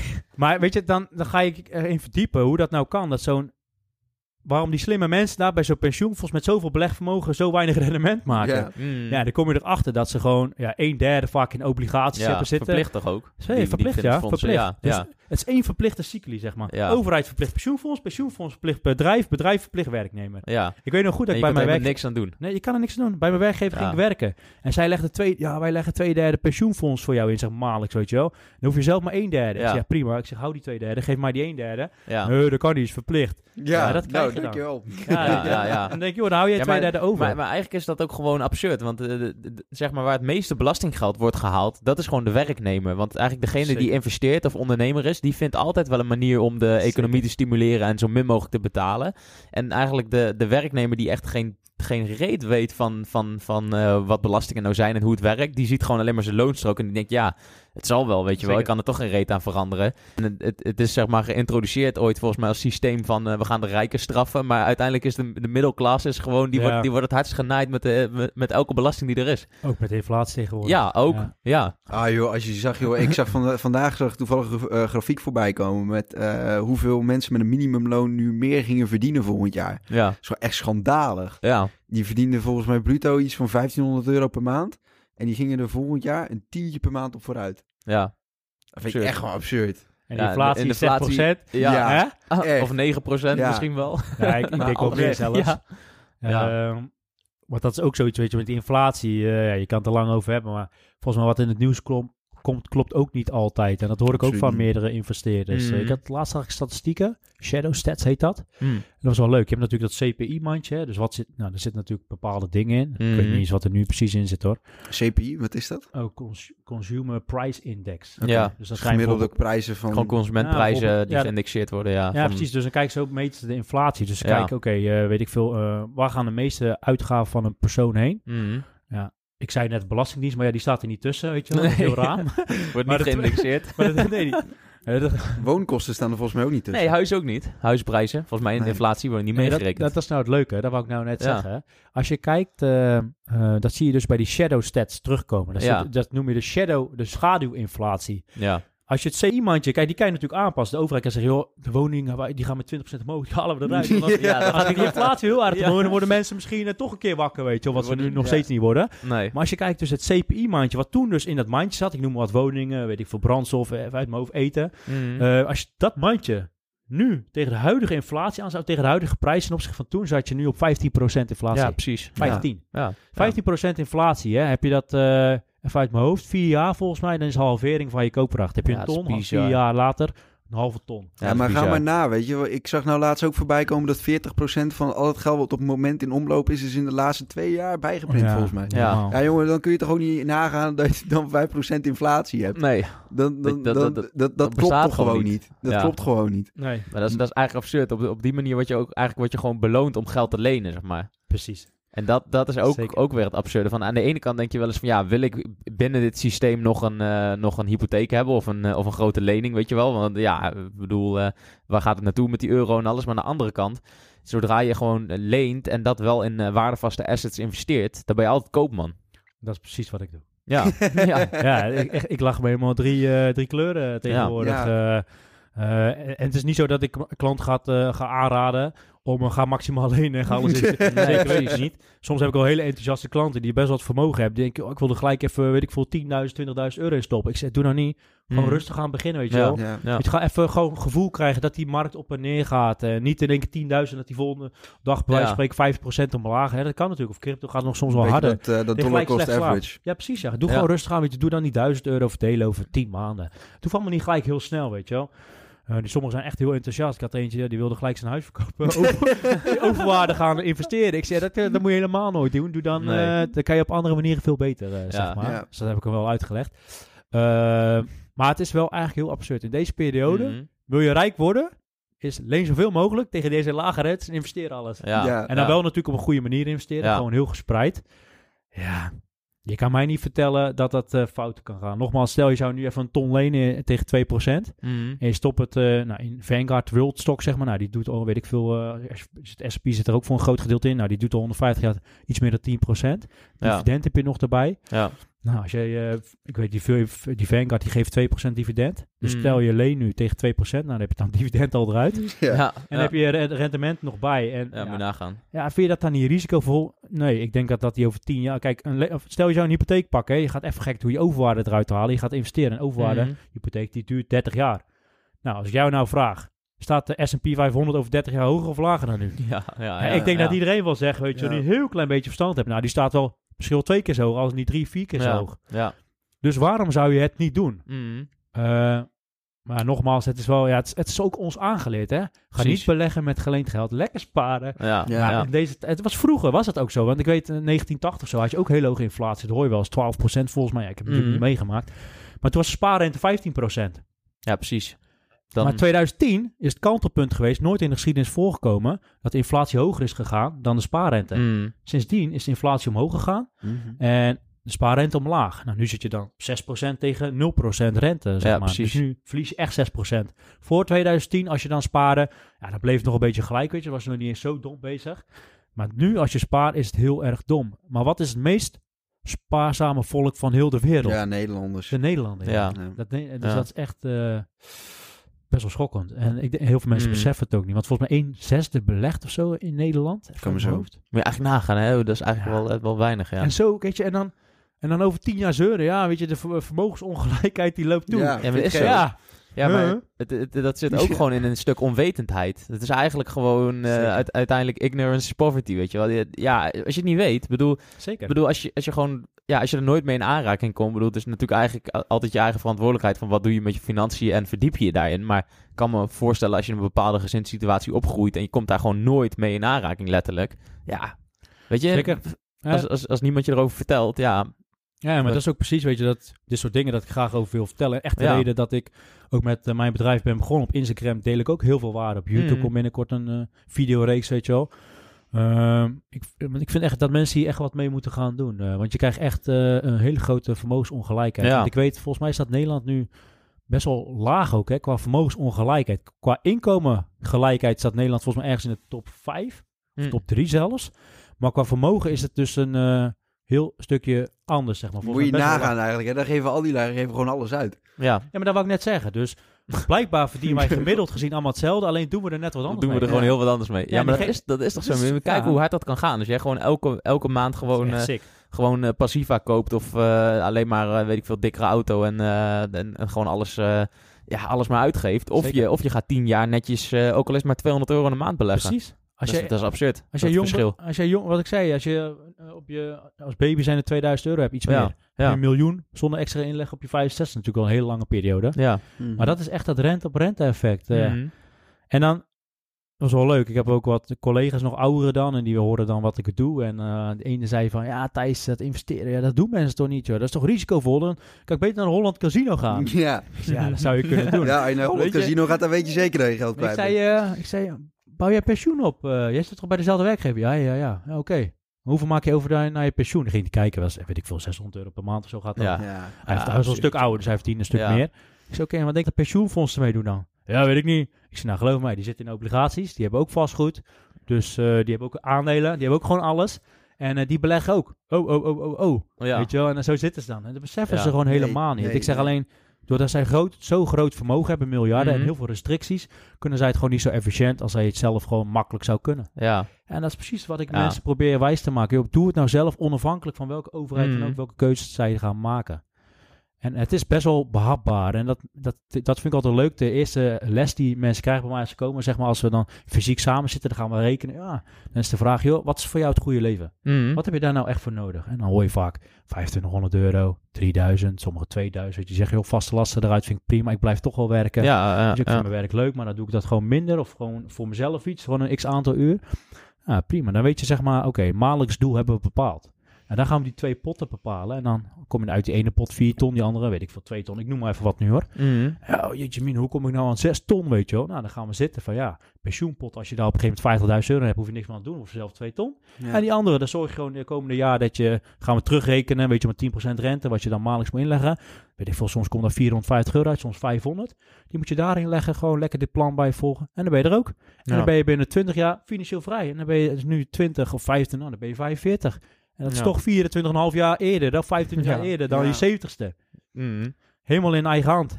En Ja. dat denk ik, ja, ik snap gewoon echt niet waarom meer mensen dit eh, niet gaan doen. Eh, maar ik denk wel dat langzaamaan dat besef al een beetje Komt wel, komt. wel meer, die denk ik. Maar het inflatie. komt sowieso met veel meer, met, met hele andere dingen. Komen mensen, tenminste naar mijn mening, wel steeds meer uit, uit, uit bepaalde dogma's. Mhm. Zoals nu ook met dat intermediate fasting en zo. Even iets totaal anders. Ja. Ik had dat nou van de week, eh probeer ik dat ook gewoon een beetje, eh, gewoon een beetje uitproberen. En Ja. dan kom ik, er zit mijn moeder beneden. En zei, ja, nee, nee, nee, ik ontbijt niet. Oh, wat moet je nou? Je ontbijt niet. Ontbijt is hartstikke belangrijk. Dat moet je nooit ja. overslaan. Nou, en dan probeer je daar een discussie mee aan te gaan. Nou, dat is onbegonnen werk natuurlijk. Zeker. Eh, ja, weet je, Maar dat zijn de ouderen vaak. dat zijn de ouderen Ja. inderdaad. En die mensen die hebben dat ook gewoon hun hele leven zo erin gehad. Alleen Zeker. dat is met, met heel veel mensen is dat wel Mm. zo. Die hebben iets altijd op een bepaalde manier gedaan. En daarom doen ze het nu nog steeds zo. Correct. Alleen wel, tenminste, ik denk wel een beetje te merken dat steeds meer mensen wel een beetje actief over bepaalde dingen na gaan denken. En ook denken van ja, weet je, waarom doe ik de dingen nou eigenlijk ook zoals ik ze Mm. doe? Ja, zeker. En dan kom je er ook heel vaak achter dat je soms dingen waarvan je dacht van ja, weet je, het hoort toch zo. Dan denk je van ja, dat is eigenlijk helemaal niet zo efficiënt. Ja. Klopt. En weet jij waarom, eh, om daarop in te gaan, weet je Ja. waarom eh, dat ontbijt is gekomen? Door wie? Doordat Vertel. mensen zijn gaan ontbijten? Vertel. Ik, heb wel eens, ik doe namelijk al twee jaar intermediate fasting. Oké, Ja. Ik vind het echt ideaal heerlijk. ja. En wat ik zei, ik ga er om vijf uur uit en ik werk zeven uur lang gefocust. En Ja, ik maar je ben hebt oprecht, je hebt meer energie. Ja, zeker. Ja. Niet normaal. Ja. En super gefocust. Want dat heb je Ja. vaak als je eet, heb je, als je verkeerd eet, een dip. Ja. Ja. En dan verlies je focus. Dus echt, ik begin om vijf uur en ik knal in één keer door tot twaalf uur. Nou, daar heb ik zoveel gedaan. Dan heb ik eigenlijk Ja. een werkdag erop zitten. Dan heb ik daar nog heel de middag om andere dingen te doen. Ja. Maar eh, ik heb wel eens gelezen, of ik weet het niet meer gehoord, dat dat dus komt dus van Kellogg's. Nou, dat Ja. Heel veel geld ja. daar, lobbyen, lobbyen, lobbyen. Kellogg's ontbijt goed voor je. Ja. En zo is een beetje dat ontbijt vroeger, ik weet niet of het waar is. Hè. Ik heb toen gehoord ergens geleden, ik weet het niet meer. Mhm. Mhm. En zo is dat er zeg maar ingerold. Er zijn Ja. mensen gaan ontbijten. eh, dus dat Ja, eigenlijk. dus dat is eigenlijk absurd. Ja, Maar zo is dat eigenlijk met heel veel dingen. Als je daar goed naar gaat kijken, van we hebben zoveel routines, dingen die we in ons dagelijks leven doen, die eigenlijk gewoon nergens op slaan. Tenminste, die niet goed of gezond Klopt. voor ons zijn. Maar die we gewoon doen, puur omdat dat gewoon, eh, dat, omdat dat gewoon bij, Zeker. bij ons dagelijks leven hoort. En eigenlijk ook gewoon omdat ons dat is aangeleerd of wordt aangepraat door een bepaalde industrie. zeker. De- de- die houden zichzelf gewoon in leven. Hetzelfde met medicijngebruik, heel veel dingen. Ik bedoel, de bijwerkingen zijn erger dan, eh, dan, eh, dan wat het doet. Maar het, het is wel een soort van cycli die, die zeg maar door blijft lopen. Zeker. En zo is dat ook met heel veel gewoon echt puur, puur gewoon consumptiegoederen. Zeker. Ja. Die, die hebben we eigenlijk helemaal niet nodig.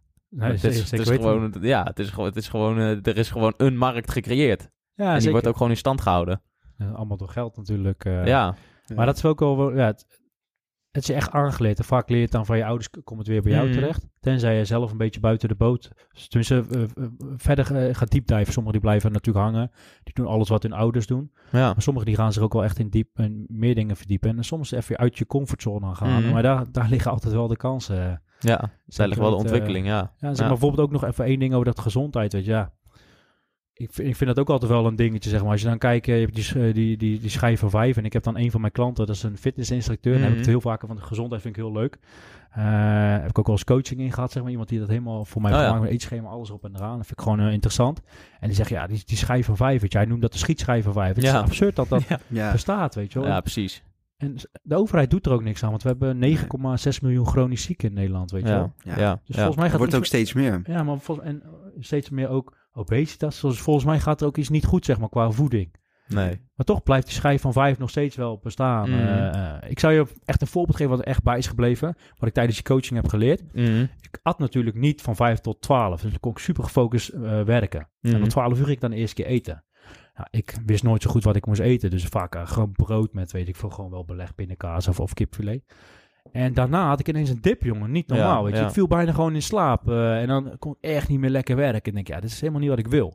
En toen heeft hij mij, mij uitgelegd van, joh, je doet het ook helemaal fout. En het is ook gewoon fout aangeleerd. Mhm. Hij zegt, wat je moet doen, je eerste maaltijd moet gewoon zo vet mogelijk zijn.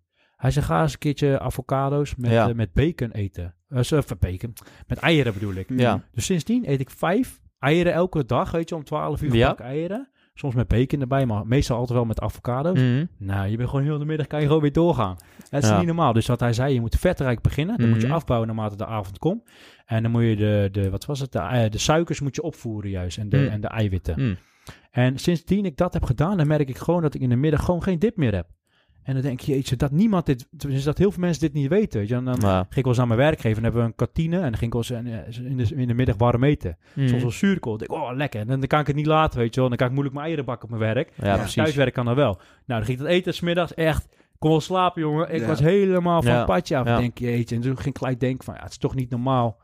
Dat eigenlijk gewoon, nou, 90% gewoon lekker een broodrammetje zitten eten Ja, in de middag. ja, En altijd. daarna gewoon intipt. Hoe, hoe Ja. goed zou het zijn voor de economie als iedereen vijf Ja. gaat eten? Ja, ja, maar, ja, maar dat is echt 12 zo. uur. Ja, dat is is echt zo. zo? Je, eigenlijk heb je, heb je ook waarschijnlijk veel minder nodig. En je zit ook in zo'n Zeker. patroon dat je gewoon ga je koolhydraten eten en suikers. En dan krijg je een dip. Oh, dan neem je weer een bak koffie om het weer even op te peppen. Precies. Nou, dan voel je weer even een half uur lekker. Oh, dan zak je toch weer in elkaar. Nou, dan neem je nog een bak koffie. Weet je, ja, En zo hou je dat eigenlijk staan. werkt het gewoon. En zo wordt het, het wordt je niet aangeleerd. Nee. en datzelfde, Nee. nou, als we terug gaan naar het financiën. Ja, dat is precies hetzelfde. Eigenlijk, Eigenlijk sparen, hetzelfde. weet je. Ga lekker werken, ga leren, ga werken. Ga Ja, sparen, spaar voor een vakantie en doe dat gewoon tot je pensioenleeftijd. ja. Weet je, en hou dat En lekker uiteindelijk vol. heb je niks. En uiteindelijk kom je bij je pensioen en dan is die honderd keer gekort. Je AOW is helemaal naar Mhm. beneden gegaan doordat al die babyboomers straks komen. En dat wordt nog een probleem. ja. Je hebt nu drie werkenden voor één iemand die met pensioen is. Mhm. Over tien jaar, of nee, 2029 zijn er nog maar twee werkenden voor één iemand met pensioen. Ja. Dus dat wordt ook nog een leuk dingetje, zeg maar. Ja. Dus die pensioenleeftijd, nou voor ons jongeren, ik denk, ik mag, ja, ik mag blij zijn als je, als je ooit met pensioen mag. zeg Als je dan nog pensioen hebt. Ja, Ja, zeker. Kijk, in tuurlijk ga je leeftijd ook wel wat omhoog. Hè. Je Mhm. verwachte leeftijd is nu 80,9. Nou, dat Moet je wel gezond leven. zeker ja. Dus je moet wel die je eieren de eten. schijf Je van vijf die eieren nemen. eten. Ja. Die schijf van vijf moet de deur uit. ja. maar het is, eh, je pensioenleeftijd wordt wel steeds korter. Want kijk maar nou, nou, misschien naar jullie opa's of zo, weet je. Als je Ja, naar de mijne, ja. Die gingen soms wel met 50 met pensioen. Nou, Ja. Die zijn nu 80, Die, die hadden echt pensioen. 30 jaar lang. Hè? Ja. En wij hebben nou, stel je gaat van nu van de data uit van gewoon de berekeningscalculatoren van de overheid. 69,5 pensioen, 80,9 eh ben je dood. In negen, als je nu 29 bent. Dat is Ja. 11,4 jaar. Dat is iets anders dan 30. Ja. En dat wordt alleen maar minder. Dus ja, echt, ik, ik zou zeggen, kom op man. Ga, eh, ga nou zelf wat regelen. Eh, bel mij of zo. Of, Ja. of, iemand anders. Als je Regel. maar gaat investeren, maakt me echt niet uit. Nee, maar ook ja. gewoon sowieso gewoon zelf over dingen nadenken. Ja, verdiep Ik je gewoon. ook, ik, dat stuurde ik van de week ook nog naar jullie door. Die, die post van Richard de Let. Ja, die, volg eh, heb, je die, heb je die post gezien over wat het ziekenhuis Ja, voor ziekenhuis, advies gaf eh, voor de mensen die... Corona genezen- of zo, toch? Ja. ja. Daar zat Ja, gewoon chocomel tussen. En Ja, ja, ja, ja. Mars volgens mij. Ook Ja. volgens maar mij dan moet toch inderdaad. dan ja. vanuit bovenuit geld in worden gepompt. Ja, dat niet? kan toch Eh, niet? Omdat op zo'n poster Ja, maar dat, dat al helemaal. Hoe we zeg maar omgaan met deze tussen aanhalingstekens gezondheidscrisis. Ook. Ja, dat is gewoon absurd. Als je dat ziet, de, de- wat, wat er nu gedaan wordt, eigenlijk, het is, het is eigenlijk alleen maar gewoon, gewoon dempen van, van symptomen. Er wordt, gewoon, er wordt gewoon niks aan de oorzaak gedaan. Zeker. En mensen die, eh, ja, die rammen gewoon even dat ding erin en dan denken ze van, oh, nu komen we weer lekker door met Ik ben weer leven. gezond. En nu eet ik weer eh, tien boterhammen per dag en mijn bak koffie en dan, eh, dan gaan we gewoon lekker door. En Met it. chocopasta. erop. Ja, ja. Ja. hoor. hey, Matthijs, even nog één dingetje. Want Ja, je had daar straks over die YouTube-video's die je aan het maken bent. Wil je dat nog even hoe iets verder toelichten? Wat kunnen mensen daarop zien? Ja, ik heb eh, ja, eh, YouTube eh, probeer ik ook een beetje op te zetten, zeg maar, met leuke video's, zodat mensen ook wat leren over het investeren. Omdat ik al best wel druk ben, kom ik er niet altijd aan toe. Maar ik wil het nu echt wel even oppakken. Dus van- vanmiddag heb ik de eerste opgenomen, de eerste van een reeks van drie. En waar ik het ga over hebben is dus eigenlijk wat ik net ook al een beetje heb geschetst. Van, joh, kijk nou eens wanneer jij zelf met pensioen mag, weet je, met de link erbij waar je dat kan uitrekenen. Doe je verwachte leeftijd uitrekenen, dan hoop ik dat het mensen een beetje choqueert van, oké, wacht eens even, ik moet echt wel even wat gaan doen. Ja. En dan vervolgens, eh, dus de eerste, eh, het eerste onderwerp van de eerste video, die denk ik volgende week online komt, gaat dus over waarom jij moet investeren. Dus dan gaan we in op dus wanneer je doodgaat, pensioenleeftijd, hoge inflatie, negatieve spaarrente, nou dat soort dingen allemaal. Dus waarom? Mhm. De volgende is van, oké, je vertelt wel waarom, maar ja, wat moet ik nou precies doen dan, weet je? Nou, dan ga Ja. ik dan die, die daarna over hebben. Dus dan vertel ik weer in zo'n, wat zal het zijn, 15 minuten ongeveer. Het duurde die van vandaag, vertellen we over de tweede. Dus hoe moet je dat doen? Ehm, inhoudelijk weet ik nog niet precies, moet ik nog even uitschrijven, maar dat komt wel Ja. goed. En bij de laatste is van, oké, leuk en aardig. Mensen vertellen vaak wel, ja, hoe je het allemaal moet doen. Maar wat moet je nou doen als je er bent, weet je? Op een gegeven moment ben je er natuurlijk. En dan ben je, heb je 20 jaar belegd, heb je pensioenpot, heb je vermogenspot eh, bereikt. En mag je gaan genieten van je vrijheid. Ja, maar hoe haal ik dat dan eraf, weet je? Wanneer moet ik wat verkopen? Ja, ja. Eh, ik sta een tipje van de sluier, zeg maar. Eh, ja, dat kan ik natuurlijk niet uitleggen. Maar in dat vermogensplan wat ik heb gemaakt, waar je dan in kan leggen, zeg maar die cel, waar je zegt, joh, deze maand wil ik zoveel inleggen. Kan je er gewoon aan invullen, joh, deze maand wil ik zoveel onttrekken. Nou, dan vul je Mhm. dat in. En dan geeft hij aan van, joh, je moet dan zoveel van die verkopen, zoveel van die verkopen. Nou, dan kom je op je spaarrekening. Nou, dan zorg je dat die maand Ja. voorbij gaat. Je kan je lekker leven, ga lekker op vakantie, weet ik het. En eh, die maand erop leg je weer dat eh, bedrag in. En dan kan je met de inflatie gewoon mee laten gaan. Dus kan je zelfs Mhm. een beetje ophogen. Eh, dus dat ga ik zeg maar over de, de derde filmpje ga ik het dan even over hebben. Oké, je bent er nu, doel bereikt. Hoe ga je dan het eruit halen? Dus exit. Dus Ja. waarom, hoe en, eh, en dan de exit. Dat is ook eigenlijk Ja. waar ik mee begin tijdens mijn fysieke start. eh, als ik met een klant begin. Wat is jouw doel maandelijks? Wat is jouw doel dan met die twee potjes waar ik het net over had? Dus dat is het doel. Wat is de strategie, de plan, plan en hoe gaan we daar naartoe werken? Hoe lang duurt dat? Wat moet je inleggen? En wat moet je doen bij de exit? Ja, dus dan heb je gewoon een compleet plan. Mhm. En dan kan je gewoon de rest van je leven uitvoeren. Maandelijks met één uur per maand. En dan heb je mij echt niet meer voor nodig. eh. Ja, ja. en dan, ja, als je dat doet, dat levert op termijn tonnen op. Tonnen. Eh, ik heb ook ergens een van mijn eh, eerste slides ook die ik vertel aan klanten. Van, joh, stel je zou 750 euro per maand investeren. Mhm. 25 jaar lang. En je doet dat tegen zo'n 10% wat je wel kan halen. Dan is dat, eh na 25 jaar, even uit mijn hoofd hoor, eh, zo'n 1 miljoen euro of zo, iets minder dan een miljoen. En jouw inleg is dus 25 jaar lang 750 euro per maand, dus dat is 225.000 euro. Mhm. Dus die ene heeft een miljoen, diegene die het investeert. En die andere die denkt, nee, die 750 euro ga ik sparen. Nou, de- je hebt een inflatie, je hebt een, eh, een 0% rente. Dus je hebt eigenlijk een negatief... Ik ben in, uitgegaan van een inflatie van 2%, dus veel lager dan nu. Dat is een Mhm. beetje het gemiddelde afgelopen jaar, dus heb je een min 2%. Ja. Nou, stel diezelfde persoon doet hetzelfde. 750 euro inleggen, 25 jaar lang, per maand dan hè. Ehm, ook hij heeft 225.000 euro ingelegd. Alleen hij heeft nog maar over, aan koopkracht hè, heb ik het dan over, 178.000 euro. Dus ze doen Ja. allebei hetzelfde, alleen die ene heeft een miljoen en die andere Ja. heeft 178. Ja. En nou, de ene kost je een uurtje per maand, of misschien op een gegeven moment een half uurtje, en de andere kost je een minuut. Ja, ik ken niemand die, weet ik veel, wat is het, 7,5 ton verdient met een half uur per Ja. maand, weet je. Ze zijn Ja. best wel flink op dragen. Dat is een leuk uurtarief. Mhm. Ja, Ja. daar begin ik vaak mee. Ik vertel altijd echt wel het waarom. En dan hoop ik Mhm. echt dat ik mensen kan chockeren. En dat, ja, dat komt een beetje terug in de video's. Ja. Zo hoop ik echt dat mensen gewoon echt gaan in verdiepen. Dan denk ik, ik moet echt wel gaan doen. En dat is ook wel gaan doen. Mooi man. Ja. Ja. Het komt ook echt vanuit, eh, vanuit passie wel wat dat betreft. Zeker. Het is, eh, het is Ja. niet, eh, niet zomaar. Zeker. Ja, en ik vind het ook wel leuk dat je er ook echt al gewoon tien jaar mee bezig bent. Ik bedoel, het is ook echt iets wat je zelf hebt geprobeerd, wat, wat gewoon werkt voor jou.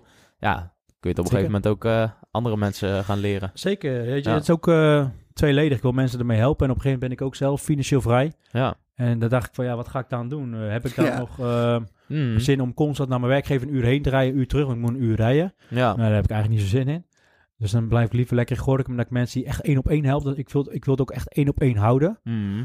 Ehm, dat vind ik gewoon leuk, weet je. één op één, gewoon persoonlijk maken. Ja. En ehm, ehm, toen heb ik ook gedacht van, joh, ik ga dit beginnen. En dan kan ik dat ook gewoon helpen. Ook als ik financieel bereik, kan ik dit gewoon bij blijven doen. Dus dat is een van de redenen dat ik hiermee ben begonnen. Ja. Heel mooi. Ja. Mooi man. Het is Ja, goed. Tom. Wat zijn nog verder je ideeën voor de toekomst? Heb je, heb, je, heb je daar nog verder over nagedacht? Nog verder Ehm, mensen aannemen? Of blijf je het altijd alleen doen? Nee. Ja, ik ben natuurlijk 13 september begonnen, maar het is echt Ja. zo hard gegaan dat ik gewoon Mm. bij elke maand wel vol zit. En ook aankomend kwartaal, dit kwartaal eigenlijk moet ik zeggen, zit ook bijna alles vol. Van op enkeling, nou één of zo. Dus ik kom aan heel aan content maken wat ik eigenlijk veel meer wil doen, kom ik eigenlijk niet echt naartoe. Dus Mhm. toevallig ben ik nu met iemand bezig eh, die die content voor mij gaat maken. Dan, tenminste, Dat ik ga het maken en Oh hij ja. gaat het dan verspreiden. Eh, iemand eh, voor de financiën ben ik bezig. En toevallig ook vandaag geweest kijken om bij een kantoor, eh, eigen kantoor zeg Mm. maar, eh, dus wel te gaan, iets te gaan uitbreiden. Ik zou niet echt heel groot willen worden of zo. Ik wil het wel een beetje persoonlijk houden, een beetje klein. Ik, ik hou ook graag van reizen, weet je wel. Dus ze zeggen ook wel eens... eh Ros, ik wens je veel personeel of zo, weet je wel. Ja, ja, ja. Ik wil niet heel veel personeel Ja. hebben, zou ik niet Ja, willen. precies. Ja, Want ik hou erg van reizen, weet je wel. En Dat, vind- kijk, dat is mooi als je financieel vrij bent. Dat is het- Mm. Daar doe je het voor. Mhm. Er is geen mens op heel deze wereld die gaat zeggen... nee, ik wil niet fin- financieel vrij worden. Nee. Als ik tegen jou zeg, joh, wil je over 20 jaar financieel vrij zijn? En je zegt, nee, laat mij maar gewoon werken. Ja. Dat kan je alsnog doen, alleen je hebt dan de keuze. Je mag werken. Mm. Ja. En waarom ik financieel vrij wil worden, omdat ik echt veel wil gaan reizen. En ja, Mm. mijn werk kan ik ook redelijk vanaf eh, afstand doen. Mhm. Ehm, en dan ook, ja, dan gun ik andere mensen ook wel, zeg maar. Dat ze op een gegeven moment ook die keuze hebben van, Ja. joh, ik hoef niet meer te werken. Ik, vind- ik vind het wel prima. Dus eigenlijk een beetje de mensen die je helpt, die wil je gewoon één op één blijven helpen. Zeker. Alleen die boodschap die je hebt, die wil je zo breed mogelijk verspreiden. Ja, precies. Inderdaad. Ja, Mooi man, hartstikke Ja. goed. Zeker weten. Heel mooi. Ja. ja, volgens mij zijn we echt al wel pittig lang bezig. Is dat zo? Maar eh, ja, het voelt niet zo, maar Oh. eh, volgens mij uh, de klok uh, telt dus anders. Nee, nee maar uh, Ja, niet eens in de gaten houden, joh. nee. Geen idee, klopt dat wel? Ja, dat klopt wel. Maar uh, ja, dus echt, een- echt een super, uh, super mooi verhaal. Uh, ik denk wel heel duidelijk ook voor de luisteraar. Van uh, waar, waar begin je? Waarom doe je het überhaupt? Mhm. Wat is de reden erachter? Uh, ja, wat is inflatie? Wat is beleggen? Ja, eigenlijk is echt zoveel aan bod gekomen. Mhm. Uh, ik denk dat eigenlijk nog maar één ding op zit. En dat is jouw vraag. Van, ja, wat zou jij nu uh, aan de luisteraar mee willen, willen geven van, uh, van ondernemend? Wat, uh, wat is jouw grootste les? Mijn grootste les is, uh, ga je echt gewoon verdiepen in het investeren. Begin gewoon met een boek, waar eigenlijk bijna iedereen mee begint, Rich Dad, Poor Dad. Of zo'n Mhm. Unshakable, als je die twee hebt gelezen, dan heb je al best wel wat kennis. En begin dan gewoon op een gegeven moment uh, gewoon met investeren. Weet je. Beleg gewoon wat in een gebrede ETF's, altijd breed in de markt. Gewoon een klein beetje geld en kijk gewoon wat dat doet. Als je heel jong bent, weet je, stop er gewoon wat geld in. Uh, als 50 euro per maand, prima. Maar begin er gewoon zo vroeg mogelijk mee, want dan heb je echt het rente op rente effect. Dat is wel heel belangrijk. En uh, weet gewoon dat financieel vrij worden voor bijna iedereen weg is gelegd. Uh, zeker. Dat, mensen denken dat het onmogelijk is, maar bij deze, de les, het is voor heel veel mensen mogelijk. Zeker. Ja. Mooi Thijs, hartstikke goed. Hey, super bedankt dat je deze kant op bent komen rijden. Helemaal ja, van het Gorkum. Uur ja. in de auto gezeten voor dit gesprek. Zeker. En dan uh, ja. sluiten we hem af zo, denk ik. Ja, dan uh, Thijs, inderdaad echt hartstikke bedankt. Super mooi gesprek. Wij hebben er echt heel veel aan gehad. Uh, super veel van geleerd. En uh, wij gaan er ook zeker, denk ik, weer, weer dingen mee doen. In onze eigen strategie weer wat aanpassen. Ik hoop dat de luisteraar er ook veel aan heeft. En nou ja, als ze jou willen vinden, dan kunnen ze jou natuurlijk zoeken op, jou, op jouw site. Gewoon googlen, Thijs Verlangen. Thijs Verlangen, dan, dan kom je er zeker. inderdaad direct op. En dan kunnen ze inderdaad jouw adviezen inwinnen. Zeker. Dus, Insta deel je ook goede tips. Ja. Zeker, Insta volgen. E-book, als je via een site kan e-boeken aanvragen. Volgens mij zo'n 25 pagina's, vertel ik ook al best wel veel in. Yes. Dus ze laten een mailadres achter en dan krijgen ze die ook uh, gratis. Ja. Ja, Mooi man. Nou, bij deze dus uh, aan de luisteraars uh, allemaal eventjes uh, bij Thijs kijken naar zijn, naar zijn content. Yes. En mocht je er meer over willen weten of je wil een één op één persoonlijk beleggingsplan, dan weten jullie Thijs te vinden. Dan wil ik jullie hartstikke bedanken voor het luisteren en graag tot de volgende aflevering. Check onze socials nog eventjes en onze website naar Doneer verdere even content. een keer wat. En doneer nog even een keer voor, uh, voor, wat, nieuwe, voor wat nieuwe materialen en een uh, videocamera. Misschien nou, kunnen we nog wat betere content maken. en uh, nog wat mooie gasten bezoeken. En dankjewel voor het luisteren. Tot de volgende keer. Yes.